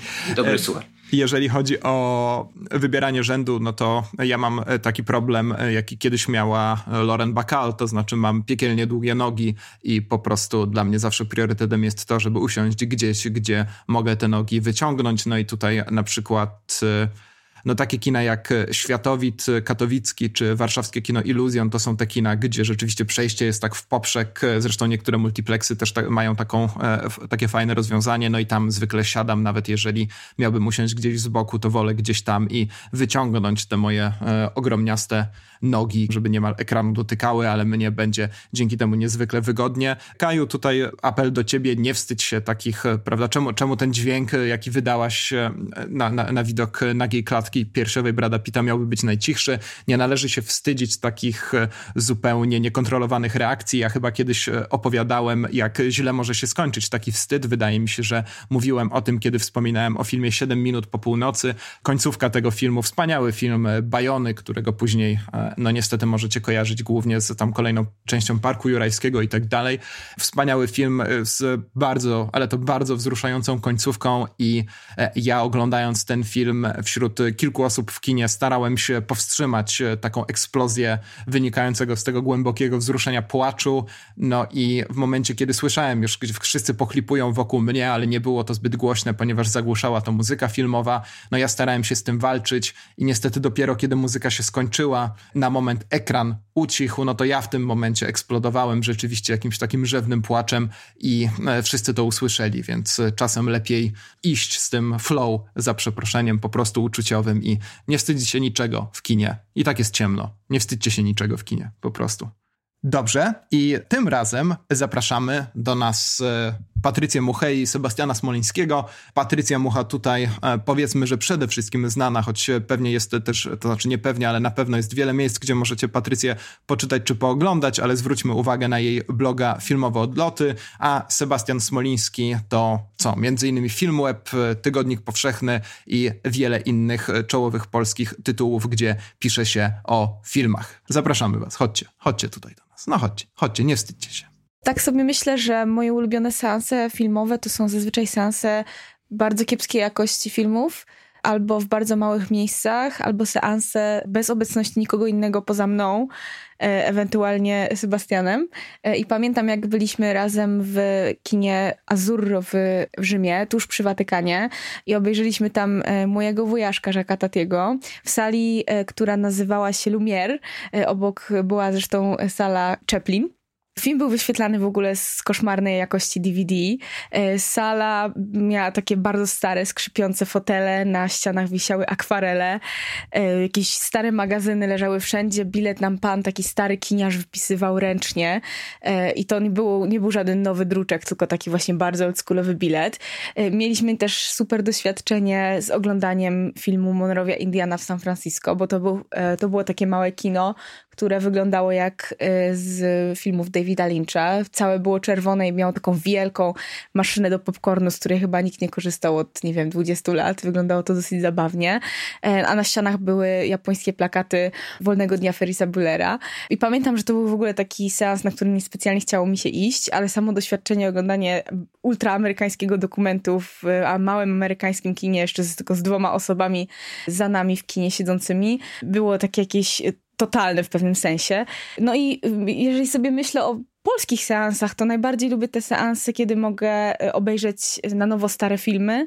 Nie takie jakieś super koniecznie stare z taśm 35 mm, chociaż takie lubię najbardziej, ale też na przykład Dirty Dancing e, obejrzany w kinie Kosmos w Katowicach to było moje absolutnie numer jeden przeżycie ever, bo e, obejrzenie filmu, które oglądało się milion razy na Polsacie, zamiast tego obejrzenia go w kinie było przeżyciem naprawdę wielkim, wzruszającym i jeszcze dwugodzinna rozmowa po seansie była coś, co dopełniło po prostu to wspaniałe doświadczenie. Zgadzam się, że Kino Kosmos jest w ogóle wyjątkowym miejscem i uwielbiam kina, które pamiętają, że liczą się nie tylko nowe filmy, ale że właśnie warto, tak jak mówisz, pokazywać też stare filmy. Oczywiście nie wszystkie kina mogą sobie na to pozwolić w ramach modelu biznesowego, ale właśnie Kino Kosmos wspaniała instytucja Silesia Film może sobie na to pozwolić i e, klub filmowy, który właśnie prowadziłaś, też mam wspaniałe wspomnienia z nim, bo miałem przyjemność wygłosić prelekcję do zawrotu głowy i to jest jeden z moich ulubionych filmów, więc to było dla mnie coś bardzo szczególnego. Jest to film puszczany zwykle w Polsce właśnie z takiej starutkiej taśmy z Filmoteki Narodowej, więc to jest też bardzo wyjątkowe. Pamiętam też właśnie nasz seans w Rzymie, już tak trochę udając się w wycieczkę za granicę. Y, masz rację, że y, to było niesamowite miejsce, kino bardzo osobiste, można powiedzieć, w tym jako miejsce w całości zaprojektowane chyba przez tego jednego człowieka, starszego pana, który też pełnił wszystkie funkcje, trochę jak właśnie w jakimś takiej w komedii. Najpierw witacie, potem sprzedaje ci bilet, potem uruchamia ci projektor, jakby sześć funkcji w jednej osobie i jakby trochę jakby zmieniał czapeczki i pojawiał się jako nowy człowiek, więc to było niesamowite. Przedsięwzięcie w sumie antydochodowe, domyślam się, bo bardzo mało osób tam było i i też w sumie nie wiem na ile legalne te pokazy, ale, ale no niesamowite, niesamowite doświadczenie, zupełnie inne od właśnie takich wielkich kin masowych. Miałem też przyjemność, e, wielkie szczęście w ogóle życiowe, absolutny fart, żeby trafić do Chinese Theater E, w Hollywood, czyli właśnie no, słynnego kina, gdzie wiele filmów hollywoodzkich od lat 20. począwszy miało premierę. Między innymi widać to kino e, jako w sumie obiekt filmowy w deszczowej piosence. E, premiera filmu, który jest filmem robionym wewnątrz deszczowej piosenki, ma miejsce właśnie w chińskim teatrze. I tam obejrzałem kilka filmów. Najbardziej zapamiętałem Północ, Północny Zachód Hitchcocka, bo niezwykłe było to, że amerykańska publiczność, którą to oglądałem jako taki, no właściwie Polak, który wygrał wycieczkę właśnie do Hollywood y, organizowaną przez polską sekcję TCM-u, no to odkryłem, że to jest komedia, odkryłem, że można się absolutnie na Hitchcocku bardzo dużo śmiać i cieszyć się tym seansem, a nie tylko rozważać mistrzostwo, mistrza suspensu, ale też właśnie cieszyć się tą komedią. To było absolutnie niesamowite. No i też właśnie z takich doświadczeń typowo też kinowych, repertuarowych, i bliższych y, naszej codzienności tutaj w Polsce miejskiej, no bo też nie chodzi o to, żeby odnieść wrażenie, że wspaniałe seanse można mieć tylko jak się daleko wyjedzie poza kraj, no to te kilka seansów, jak miałem 11-12 lat, mm, Władcy Pierścieni Dwóch Wież, bo to jest film, na którym byłem rekordową liczbę razy w kinie. Nie dlatego, że to jest jakiś ulubiony film, ale po prostu Bitwa w Filmowym Jarze była tak super dla dwunastolatka, że chciałem oglądać bez końca i właśnie byłem na tym w kinie pięć razy, między innymi w kinie gdzie teraz jest teatr, chyba komedia, albo jakiś inny teatr warszawski, chyba już tego kina nie ma, ale pamiętam, że zawsze właśnie można było ogarnąć tani, tani bilet, bo obok był legendarny kebab warszawski, gdzie, o którym pisano w Gazecie Wyborczej, więc to było miejsce kultowe, właśnie przy metrze Świętokrzyska, więc to na pewno było e, wspomnienie niezwykłe. Jakie jeszcze masz wspomnienia? Ja mam jeszcze dwa wspomnienia, takie, które uważam za naprawdę wyjątkowe. Myślę, że dlatego, że są bardzo osobiste. Po pierwsze, e, oczywiście pierwszy seans kinowy i miałam chyba wtedy 9 lat, może 8. Zabrał mnie tata z, e, z moją kuzynką na y, Uwolnić Orkę 3, właśnie do kina Kosmos jeszcze sprzed remontu. I to jest w ogóle niezwykle dla mnie doświadczenie właśnie takie prywatne, dlatego, że zupełnie inaczej wyobrażałam sobie kino. Wyobrażałam sobie tak, jak można by dzisiaj wytłumaczyć komuś, czym jest jest trzy dewki, nie? Znaczy wyobrażałam sobie, że są dwa krzesła, nie wiem dlaczego dwa, ani pięć, albo nie jedno. Dwa krzesła i wokół niego jakaś taka projekcja na pustyni, że to wszystko się dzieje wokół mnie. I kiedy po prostu wyszłam do kina i zobaczyłam jakiś ekran i krzesła, byłam strasznie rozczarowana do tego stopnia, że zasnęłam. I z, z filmu nie pamiętałam absolutnie nic, więc tak y, wyglądało moje pierwsze przeżycie kinowe y, i myślę, że gdybym poszła na ten film, na który bardzo chciałam iść y, wcześniej, czyli na kosmiczny mecz, wyglądałoby to trochę inaczej. A drugie to jest no znowu doświadczenie amerykańskie, ale też coś, co próbujemy odtwarzać w Polsce. Y, tutaj wielkie brawa dla Grzesia Fortuny i Krystiana Kujdy z y, Octopus Film Festival, czyli kino kultowe i nasz seans Rocky Horror Picture Show, czyli absolutnie kultowy seans, który jest od 30 lat powtarzany w kinie w Cleveland w Ohio. I to rzeczywiście jest sens, na którym ludzie się przebierają, krzyczą, rzucają tosty w ekran albo kryją się przed deszczem z ekranu niby papierowymi, no, papierowymi gazetami. I w ogóle tańczą oczywiście, wszyscy tańczą The Time Warp i jest naprawdę rzeczywiście energia. I myślę, że chyba jakby tych doświadczeń mamy wszyscy tyle jakichś zerwanych taśm, jakichś ciekawych fontów na starych taśmach 35 mm ledwo ym, dających się odczytać, jakieś miganie, jakieś brakujące sceny. Tego wszystkiego jest mnóstwo, zwłaszcza jak się właśnie chodzi do małych kin albo kin, które wyświetlają stare filmy, z kin, które jeszcze operują w ogóle tradycyjnymi projektorami, a nie y, przerzucają się wyłącznie na projektory cyfrowe. I wydaje mi się, że wciąż warto właśnie te kina też odwiedzać i y, dać, dać się ponieść takiemu właśnie doświadczeniu, bo to jest coś y, zupełnie unikalnego unikalnego. Więc miejmy nadzieję, że jak najszybciej kina ponownie otworzą. Ja też obok wątku kinowego chciałem dodać jeden przypis, czyli taką e, niesamowitą rzecz, jaką były seanse organizowane przez miesięcznik Kino. Do dzisiaj są organizowane.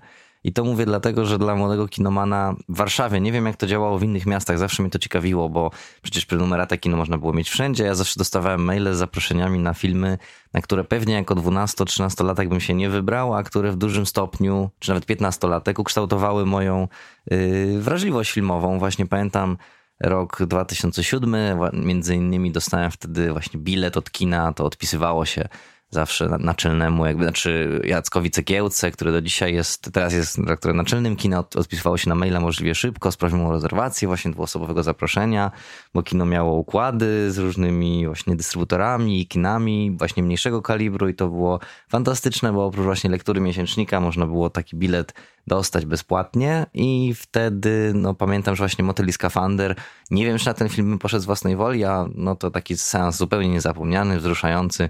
Potem chciałem zmienić swoje życie po tym filmie, absolutnie chyba się nie udało, ale od razu po filmie byłem pod wielkim wrażeniem i bardzo to na mnie wpłynęło, więc no też taki, rzeczywiście można te opowieści ciągnąć bez końca, ale myślę, że te, te kilka naszych anegdot y, podsumowuje też y, no, taką różnorodność tych doświadczeń. Ale też różnorodność bardzo konkretnego pokolenia, które jakoś tam trafiło jeszcze na dwie epoki, trafiło na rodzenie się trójwymiaru w Polsce, trójwymiarowych kin czy projekcji, e, na jeszcze właśnie pokazy z taśmy, e, jeszcze stare kina ze starym popcornem, jeszcze jakieś e, wielkie... VHS-y jeszcze. Tak, jeszcze VHS-y, jakieś takie dziwne product placementy w kinach stojące, żeby tylko zarobić. Jeszcze, jeszcze wiele innych takich rzeczy właśnie na przełomie technologii. To jest, wydaje mi się, też jakoś tam ciekawe. No, ponieważ e, Patrycja jest moją krajanką z Katowic, no to poruszyła tutaj e, wiele takich wątków, które są bardzo bliskie mojemu serduszku i można je też e, zręcznie połączyć z innymi kwestiami, o których mówili. Ponieważ jeżeli chodzi o kino Kosmos, no to to jest w ogóle kino, z którego ja pamiętam mój pierwszy seans filmowy. Jest to Królewna Śnieżka i Siedmiu Krasnoludków, ale przede wszystkim jest to kino, które po, po wielu zmianach też było miejscem, do którego się wybrałem, żeby zobaczyć, no właśnie, pierwszy raz w kinie Rocky Horror Picture Show. Jeden z moich ulubionych filmów wszechczasów. Nie jestem w tym wyborze pewnie szczególnie oryginalny. No, co prawda nie było tam, tak jak opowiada Patrycja, nie było tam takich wydarzeń, które możemy obejrzeć w filmie e, Sława Alana Parkera, ale rzeczywiście no, zabawa była przednia i film kapitalny. No i w ogóle to oglądanie starszych filmów w kinie to oczywiście jest e, fantastyczna sprawa dla, dla wielu z nas. My zresztą kilka odcinków temu rozmawialiśmy sobie o czasie apokalipsy. No ja tutaj mogę dodać jeszcze chociażby Gwiezdne Wojny, które w tej edycji czy też wersji specjalnej pojawiały się pod koniec lat 90. w kinach. No i pamiętam do dzisiaj, kiedy na Gwiezdne Wojny, już wtedy oczywiście od dawna nazywane oficjalnie Nową Nadzieją, wybrałem się z rodzicami do kina Rialto w Katowicach e, oczywiście, więc no to są zupełnie fenomenalne przeżycia. Nie wiem, czy ty masz coś takiego, Michał, oprócz tego czasu apokalipsy, o którym rozmawialiśmy, jak wspomniałem. Tak, wydaje mi się, że kilkakrotnie nawet jakoś wspominałem o. Nawet jak rozmawialiśmy o e, czasie apokalipsy, no to też y, rozmawialiśmy o tym, że oglądaliśmy Blade Runnera wspólnie w, w tym. Mhm, tak. W ubiegłym już roku, tak, tak, tak, podczas ostatniej edycji Film Festiwalu. Mhm. Dla mnie wcześniej takim wielkim doświadczeniem było obejrzenie 2001 Odysei Kosmicznej E, Kubricka no, oraz Egzorcysty Fritkina e, w takiej odrestaurowanej wersji właśnie też dzięki uprzejmości te, tego, e, tego festiwalu. To było, no mimo że właśnie znałem te filmy, to było wielkie doświadczenie, natomiast nie mam jakoś tak, że odświeżam sobie dany film e, w kinie często. Nie mam takich rekordów imponujących, jak mm-hmm. tutaj ja Se- Sebastian mówił. E, wydaje mi się, że dwa razy w kinie na jednym filmie to, to wciąż chyba jakiś, jakiś mój rekord. Pamiętam, że po raz pierwszy to na rodzinę Adamsów poszedłem po raz drugi. To był mój pierwszy, drugi seans tego samego filmu w kinie. Poszedłem ponieważ mieliśmy wyjątkowo deszczowe lato nad morzem i tylko to w kołobrzeskim kinie, nie pamiętam jak się nazywało, prezentowano. No ale to, to wcześniej byłem na seansie, seansie z klasą, więc y, trochę to było właśnie inne doświadczenie. Można było się mniej skupić właśnie na tym y, tam męczeniu właśnie współoglądających, a, a bardziej już na samym seansie. Poza tym no, wie, miałem wielką przyjemność z pierwszego seansu, z drugiego, z drugiego również, no jako że większą przyjemnością jest jednak e, oglądanie rodziny Adamsów e, w kołobrzeskim kinie niż e, gdzieś tam drapanie patykiem po brudnej plaży plaży brudno-piaskowej, jak to Kazik śpiewał w czasie jakiejś takiej deszczowej, deszczowej pogody, strasznie deszczowego lata w sierpniu. Natomiast moim takim najważniejszym chyba mimo wszystko powtórkowym seansem to był seans Terminatora 2 w Krnowie na e, festiwalu, e, który ze względu na to, jak wymawiam literę R, e, którego nazwy nie jestem w stanie przeczytać, tam jest KRRRR, tak mniej więcej ten mhm. festiwal się nazywa. I ten festiwal wywołał Michał Oleszczyk tutaj naszym takim pierwszym, pierwszym gościnnym nagraniem. O, od razu tylko tutaj uspokoję Michała, że że nie odbędzie, znaczy nie wiem, czy to uspokoi Michała, ale że ten festiwal się nie odbędzie, ale on się nie wybierał w tym roku, natomiast... Słyszycie ten dźwięk, się, to Michał Oleszczyk wzdycha właśnie z ulgą. wydaje mi się, że ten e, tegoroczny festiwal miał fantastyczny line-up i jeżeli część z tego programu no, zostanie jakoś tam przeniesiona na e, rok następny, albo może odbędą się dwa festiwale w Krnowie, byłoby super, e, no to będzie, będzie znakomicie, bo tam na przykład Dune Davida Lyncha miano pokazać właśnie z taśmy 70 mm. Przypominam, że to taki festiwal, na którym na takim wielkim ekranie można było te rzeczy obejrzeć. Złoto dla zuchwałych, Ojciec Chrzestny 3, tak, taki był program. Dunkierka była z takich no, nowości. Natomiast ten seans Terminatora 2, no to rzeczywiście było dla mnie oszałamiające wrażenie po tych zdartych taśmach VHS, bo w takiej jakości oglądałem po raz pierwszy Terminatora po seansach telewizyjnych. No w końcu mogłem to obejrzeć na ekranie kinowym. Ten film się kompletnie nie zestarzał, oszałamia w dalszym ciągu. No jest to dla mnie jakaś taka definicja wspaniałego hollywoodzkiego blockbustera, więc tak, to, tak, było, tak, no. to było dla mnie wstrząsające przeżycie. Absolutnie. No wywołałeś tę Odyseję kosmiczną, która u mnie też wiąże się z takim seansem, o którym być może już opowiadałem, mianowicie widziałem pierwszy raz w kinie e, Odyseję kosmiczną 2001 w kinie Capitol w Katowicach przy ulicy Plebiscytowej 3, no i to jest legendarne kino, które nie jest już kinem tak naprawdę, to jest taki e, wspaniały budynek, który powstał w 1910 roku, od e, samego końca lat 20. zaczął służyć jako kino, no ale za mojego życia już jako kino nie funkcjonował. Teraz chyba mieści się tam klub o uroczej nazwie Energy 2000 czy też 2000 i przy okazji jednej z edycji, katowickich edycji Festiwalu Filmów Kultowych, tak prowizorycznie odrestaurowano salę kinową w Kapitolu i puszczono tam Odyseję Kosmiczną. Wtedy to był piekielnie zimny maj, więc w kinie również było zimno. Wszyscy opatulaliśmy się jakimiś kocami, chyba w ogóle przyniesionymi z pobliskiego mopsu i rzeczywiście był to fantastyczny seans, bo mimo tego, że sama kopia to był jakiś, jakieś DVD chyba nie, nieporażającej jakości, to jednak e, atmosfera Kapitolu, ta przeszywająca do kości, to przeszywające do kości zimno, to wszystko sprawiało, że rzeczywiście tę pustkę kosmosu, Odysei kosmicznej można było e, doświadczyć na własnej skórze, na własnych kościach, no i to jest jeden z takich moich absolutnie ulubionych e, seansów filmowych w całym życiu.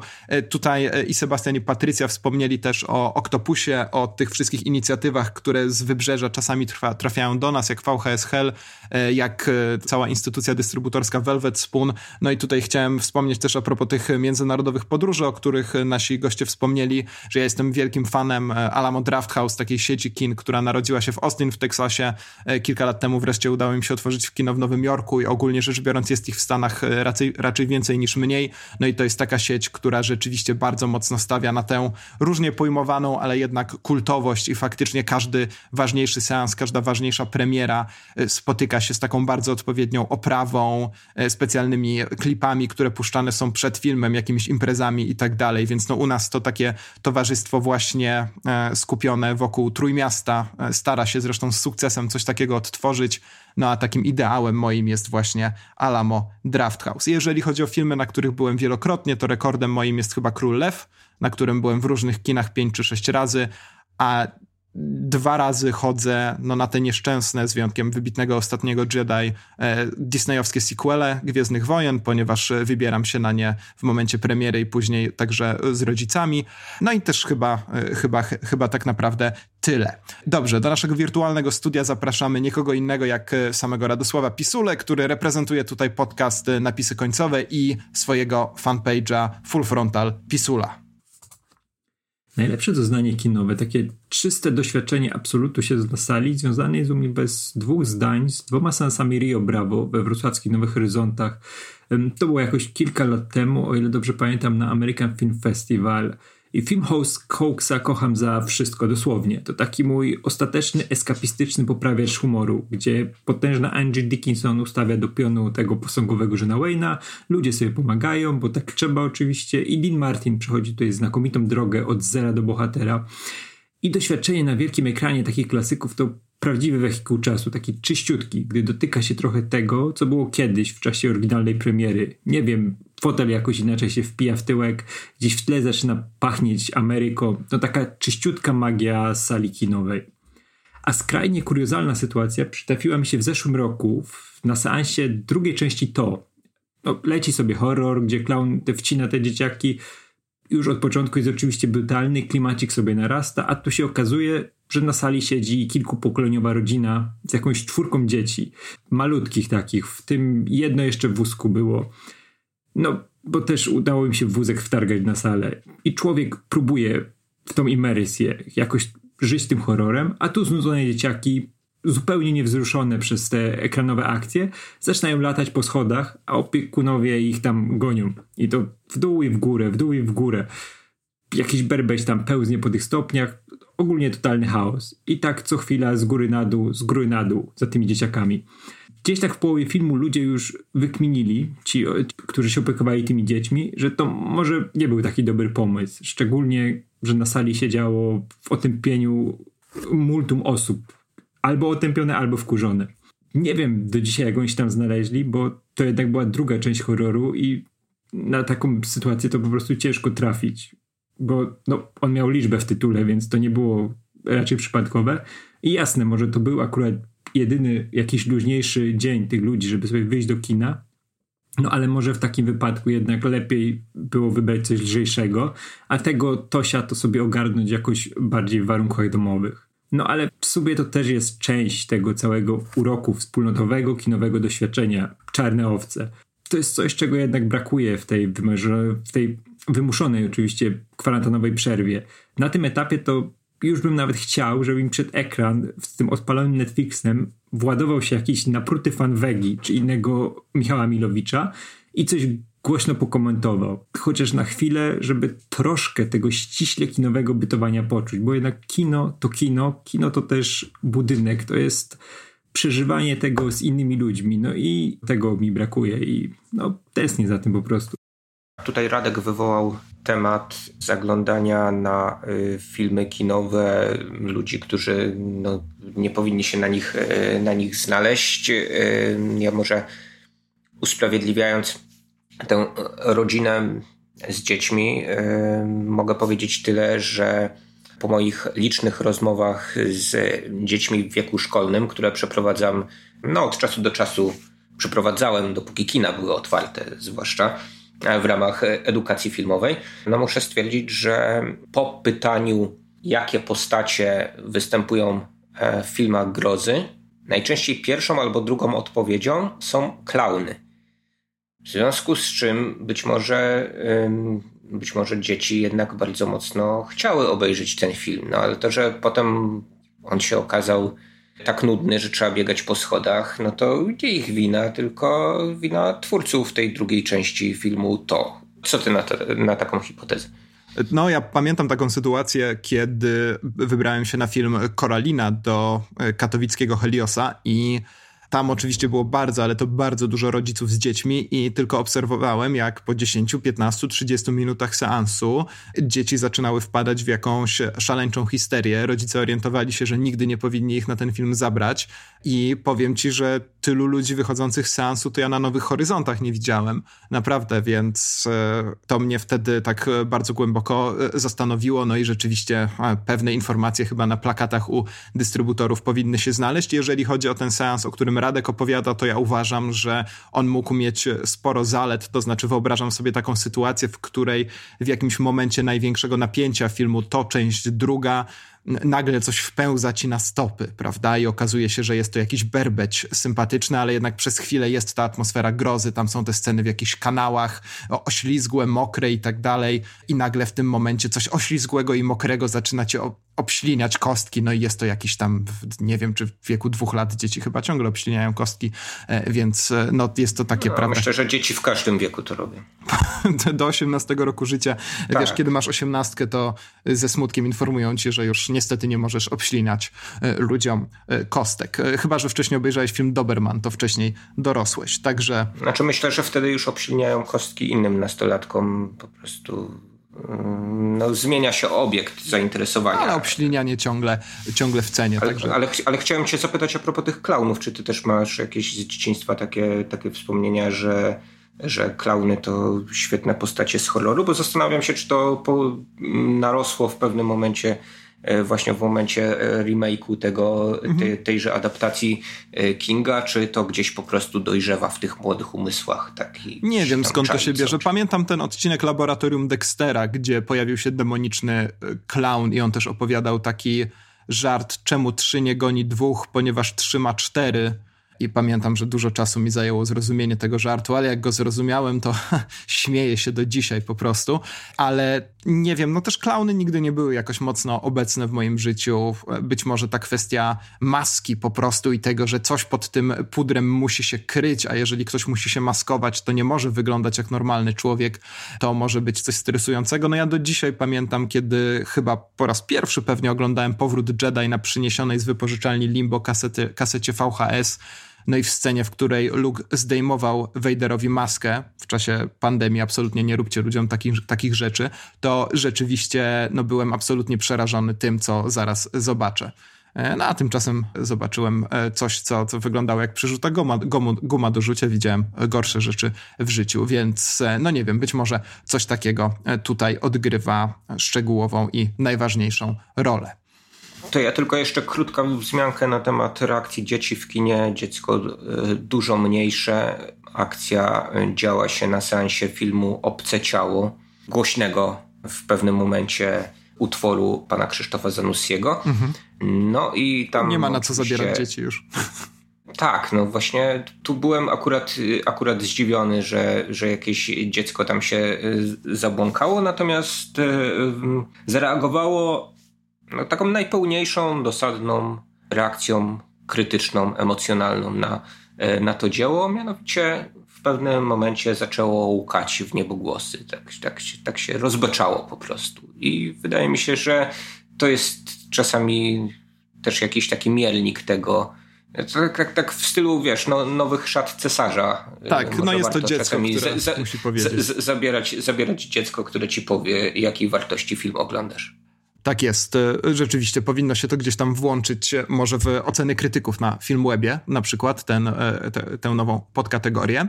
Dobra, no i naszym ostatnim gościem będzie gość, który woła wręcz, zawołuje do czynu, że tak brzydko powiem. Pojawia się ten apel, o którym my mówiliśmy ostatnio, mówiliśmy też na początku tego podcastu, więc wydaje mi się, że najsensowniejszym będzie teraz takim apelem również zakończenie, powtórzenie go, ale już trochę bezczelnie, cudzymi ustami. E, serdecznie zapraszamy do studia typowego Jędrzeja, studenta filmoznawca, który, filmoznawstwa, przepraszam, który rzeczywiście był moim studentem i sprawiał mi straszliwie dużo problemów.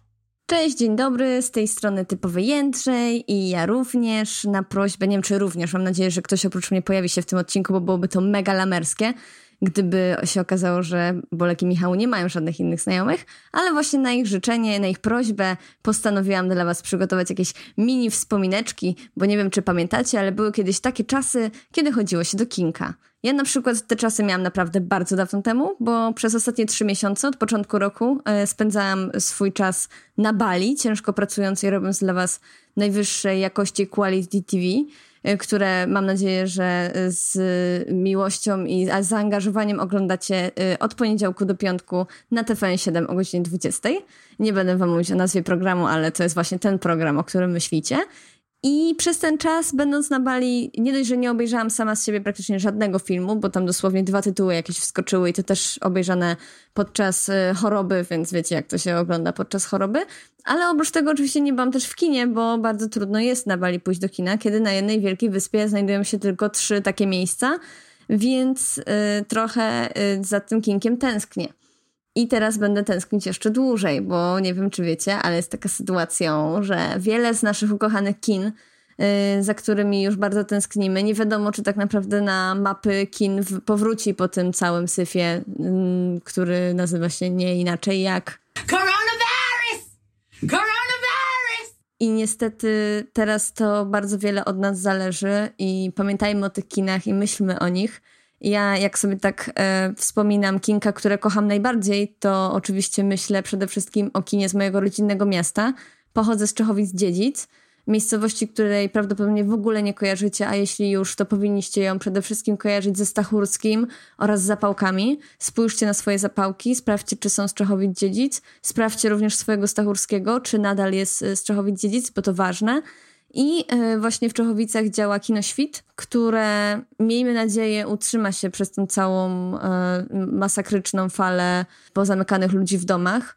Ono działa pod Miejskim Domem Kultury, e, więc może sytuacja tutaj wyglądać inaczej. Ja nie znam się na tym, jak to wygląda ze strony takiej urzędowo-prawnej, ale jest to kino działające pod Miejskim Domem Kultury, które w pełni finansowane jest z, ze środków gminy, plus oczywiście należy do sieci kin studyjnych, więc myślę, że przeżyje ten, y, ten straszny okres, ale jednocześnie też y, jest to kino, które nie daje nam możliwości żadnego wsparcia aktualnie Więc tym bardziej, jeżeli macie w swoich rodzinnych miastach albo w ogóle w swoich głowach takie kina, które pamiętacie i które aktualnie nie mają żadnej formy, nie, nie da się im w żaden sposób pomóc, to kiedy będziecie w domu i kiedy to wszystko się już uspokoi, idźcie do tego kina, dajcie im zarobić, bo to jest mega ważne. Poproście swoich rodziców, swoich znajomych, którzy dalej tam mieszkają, żeby do tego kina poszli i żeby tam jakiś grosik zostawili, bo wiadomo, że te wielkie e, multiplexy, choćby nie wiadomo jak jęczały, że jest im źle, one sobie poradzą a te małe kinka naprawdę będą miały przez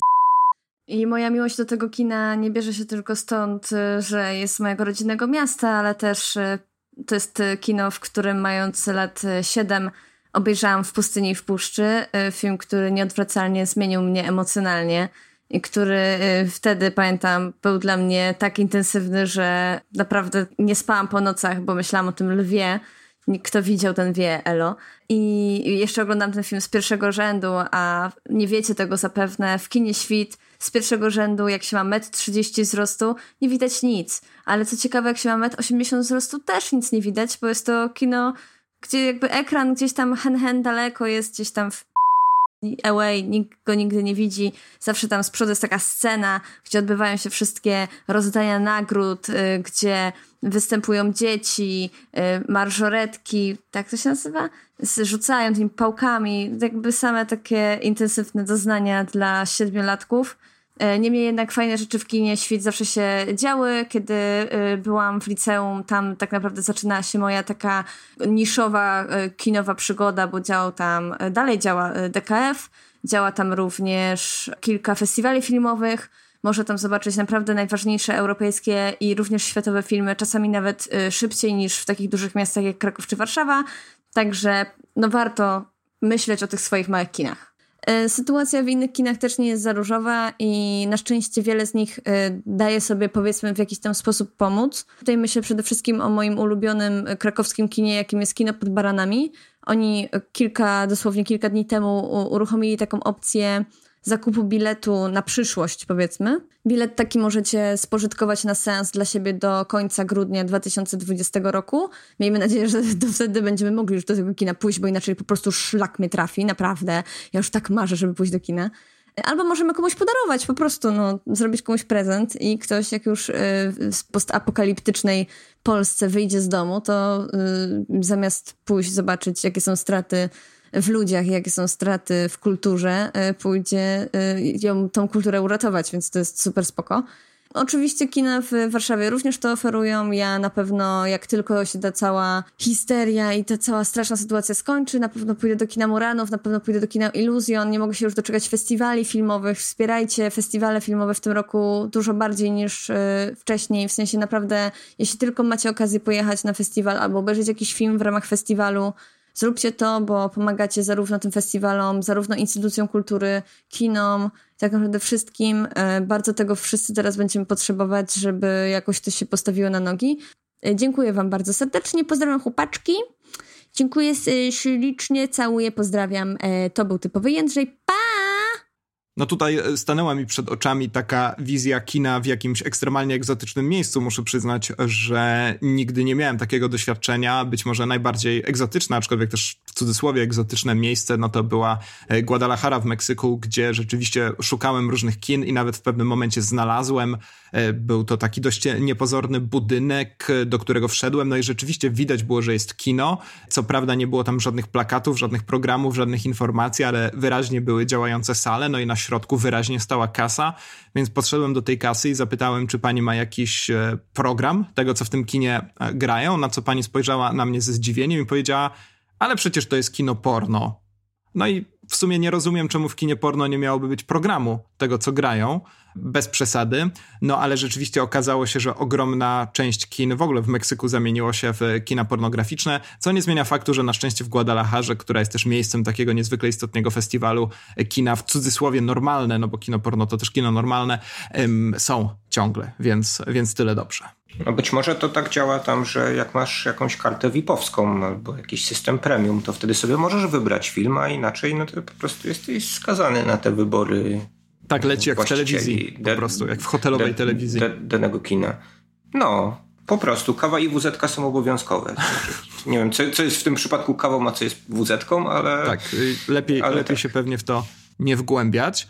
Druga sprawa to wizja tej postapokaliptycznej Polski. No, bodajże dwa numery ekranów temu pojawił się tekst Piotra Mirskiego, w którym ten jeden z najwybitniejszych polskich krytyków snuje wizję tego, jak będą, będą wyglądały kina właśnie po apokalipsie, także serdecznie wszystkich zachęcam. Jeden z najwspanialszych tekstów w historii ekranów być może, więc czemu by go sobie w tych sympatycznych atmosferach, klimatach i momentach nie przypomnieć? No ja takim futurologiem nie jestem jak Piotr Milski na pewno, e, no ale też e, staram się nie być aż takim pesymistą, który by wieścił upadek e, wielu kin studyjnych. Mam nadzieję, że no one zostaną właśnie w jakiś sposób podratowane. Część no pewnie przez samorządy, tak, w tych mniejszych miejscowościach. No, w inny sposób też możemy im oczywiście pomagać. Tutaj akcja z tym kupowaniem biletów jest chyba bardzo dobrą akcją, taką, która pozwala utrzymać jakąś tam płynność finansową tym kinom. Tak, miejmy nadzieję, że to wszystko zadziała. Serdecznie dziękujemy wszystkim naszym gościom z naszego wirtualnego studia. Bardzo się cieszymy, że zgodziliście się, zdecydowaliście się przyłączyć do tego skromniutkiego hołdu i dzięki wam być może nie był aż taki skromniutki, jak zakładaliśmy pierwotnie. No nie, to było wspaniałe doświadczenie. Tutaj przerwaliśmy też naszą izolację dzięki temu, prawda? No nagle Poniekąd. się poczuliśmy jak w, w, grupie znakomitych znajomych, prawie jak na wielkim festiwalu filmowym. Tak, możecie sobie też to rozmontować na różne ścieżki i puszczać na różnych odtwarzaczach naraz i będziecie się czuli jak na jakiejś imprezie w kuchni, na przykład nad ranem, kiedy wszyscy zaczynają już w różnym stanie upojenia różnymi używkami opowiadać o y, swoich doświadczeniach, choć no tutaj były to nadzwyczaj trzeźwe wypowiedzi. Bardzo serdecznie dziękujemy po raz kolejny Was zachęcamy oczywiście, żeby jeżeli nie znacie naszych gości, to żebyście koniecznie zapoznali się z tym, co robią poza tym podcastem, a robią niezwykle dużo. Wspierajcie kina i to właściwie tyle. Następny odcinek w, mam nadzieję, niezbyt długim czasie. Czy Michał jeszcze coś dodasz na koniec? Jakiś pozytywny akcent w tych ciężkich czasach? Zostańcie w domu, oglądajcie tam filmy, póki się da, a potem do kin. Wszyscy. Wszyscy do kin, tak jest, ale rzeczywiście, dopóki kiedy będziecie mogli wychodzić z domu. Dziękujemy bardzo i do usłyszenia. Sayonara, żółwie.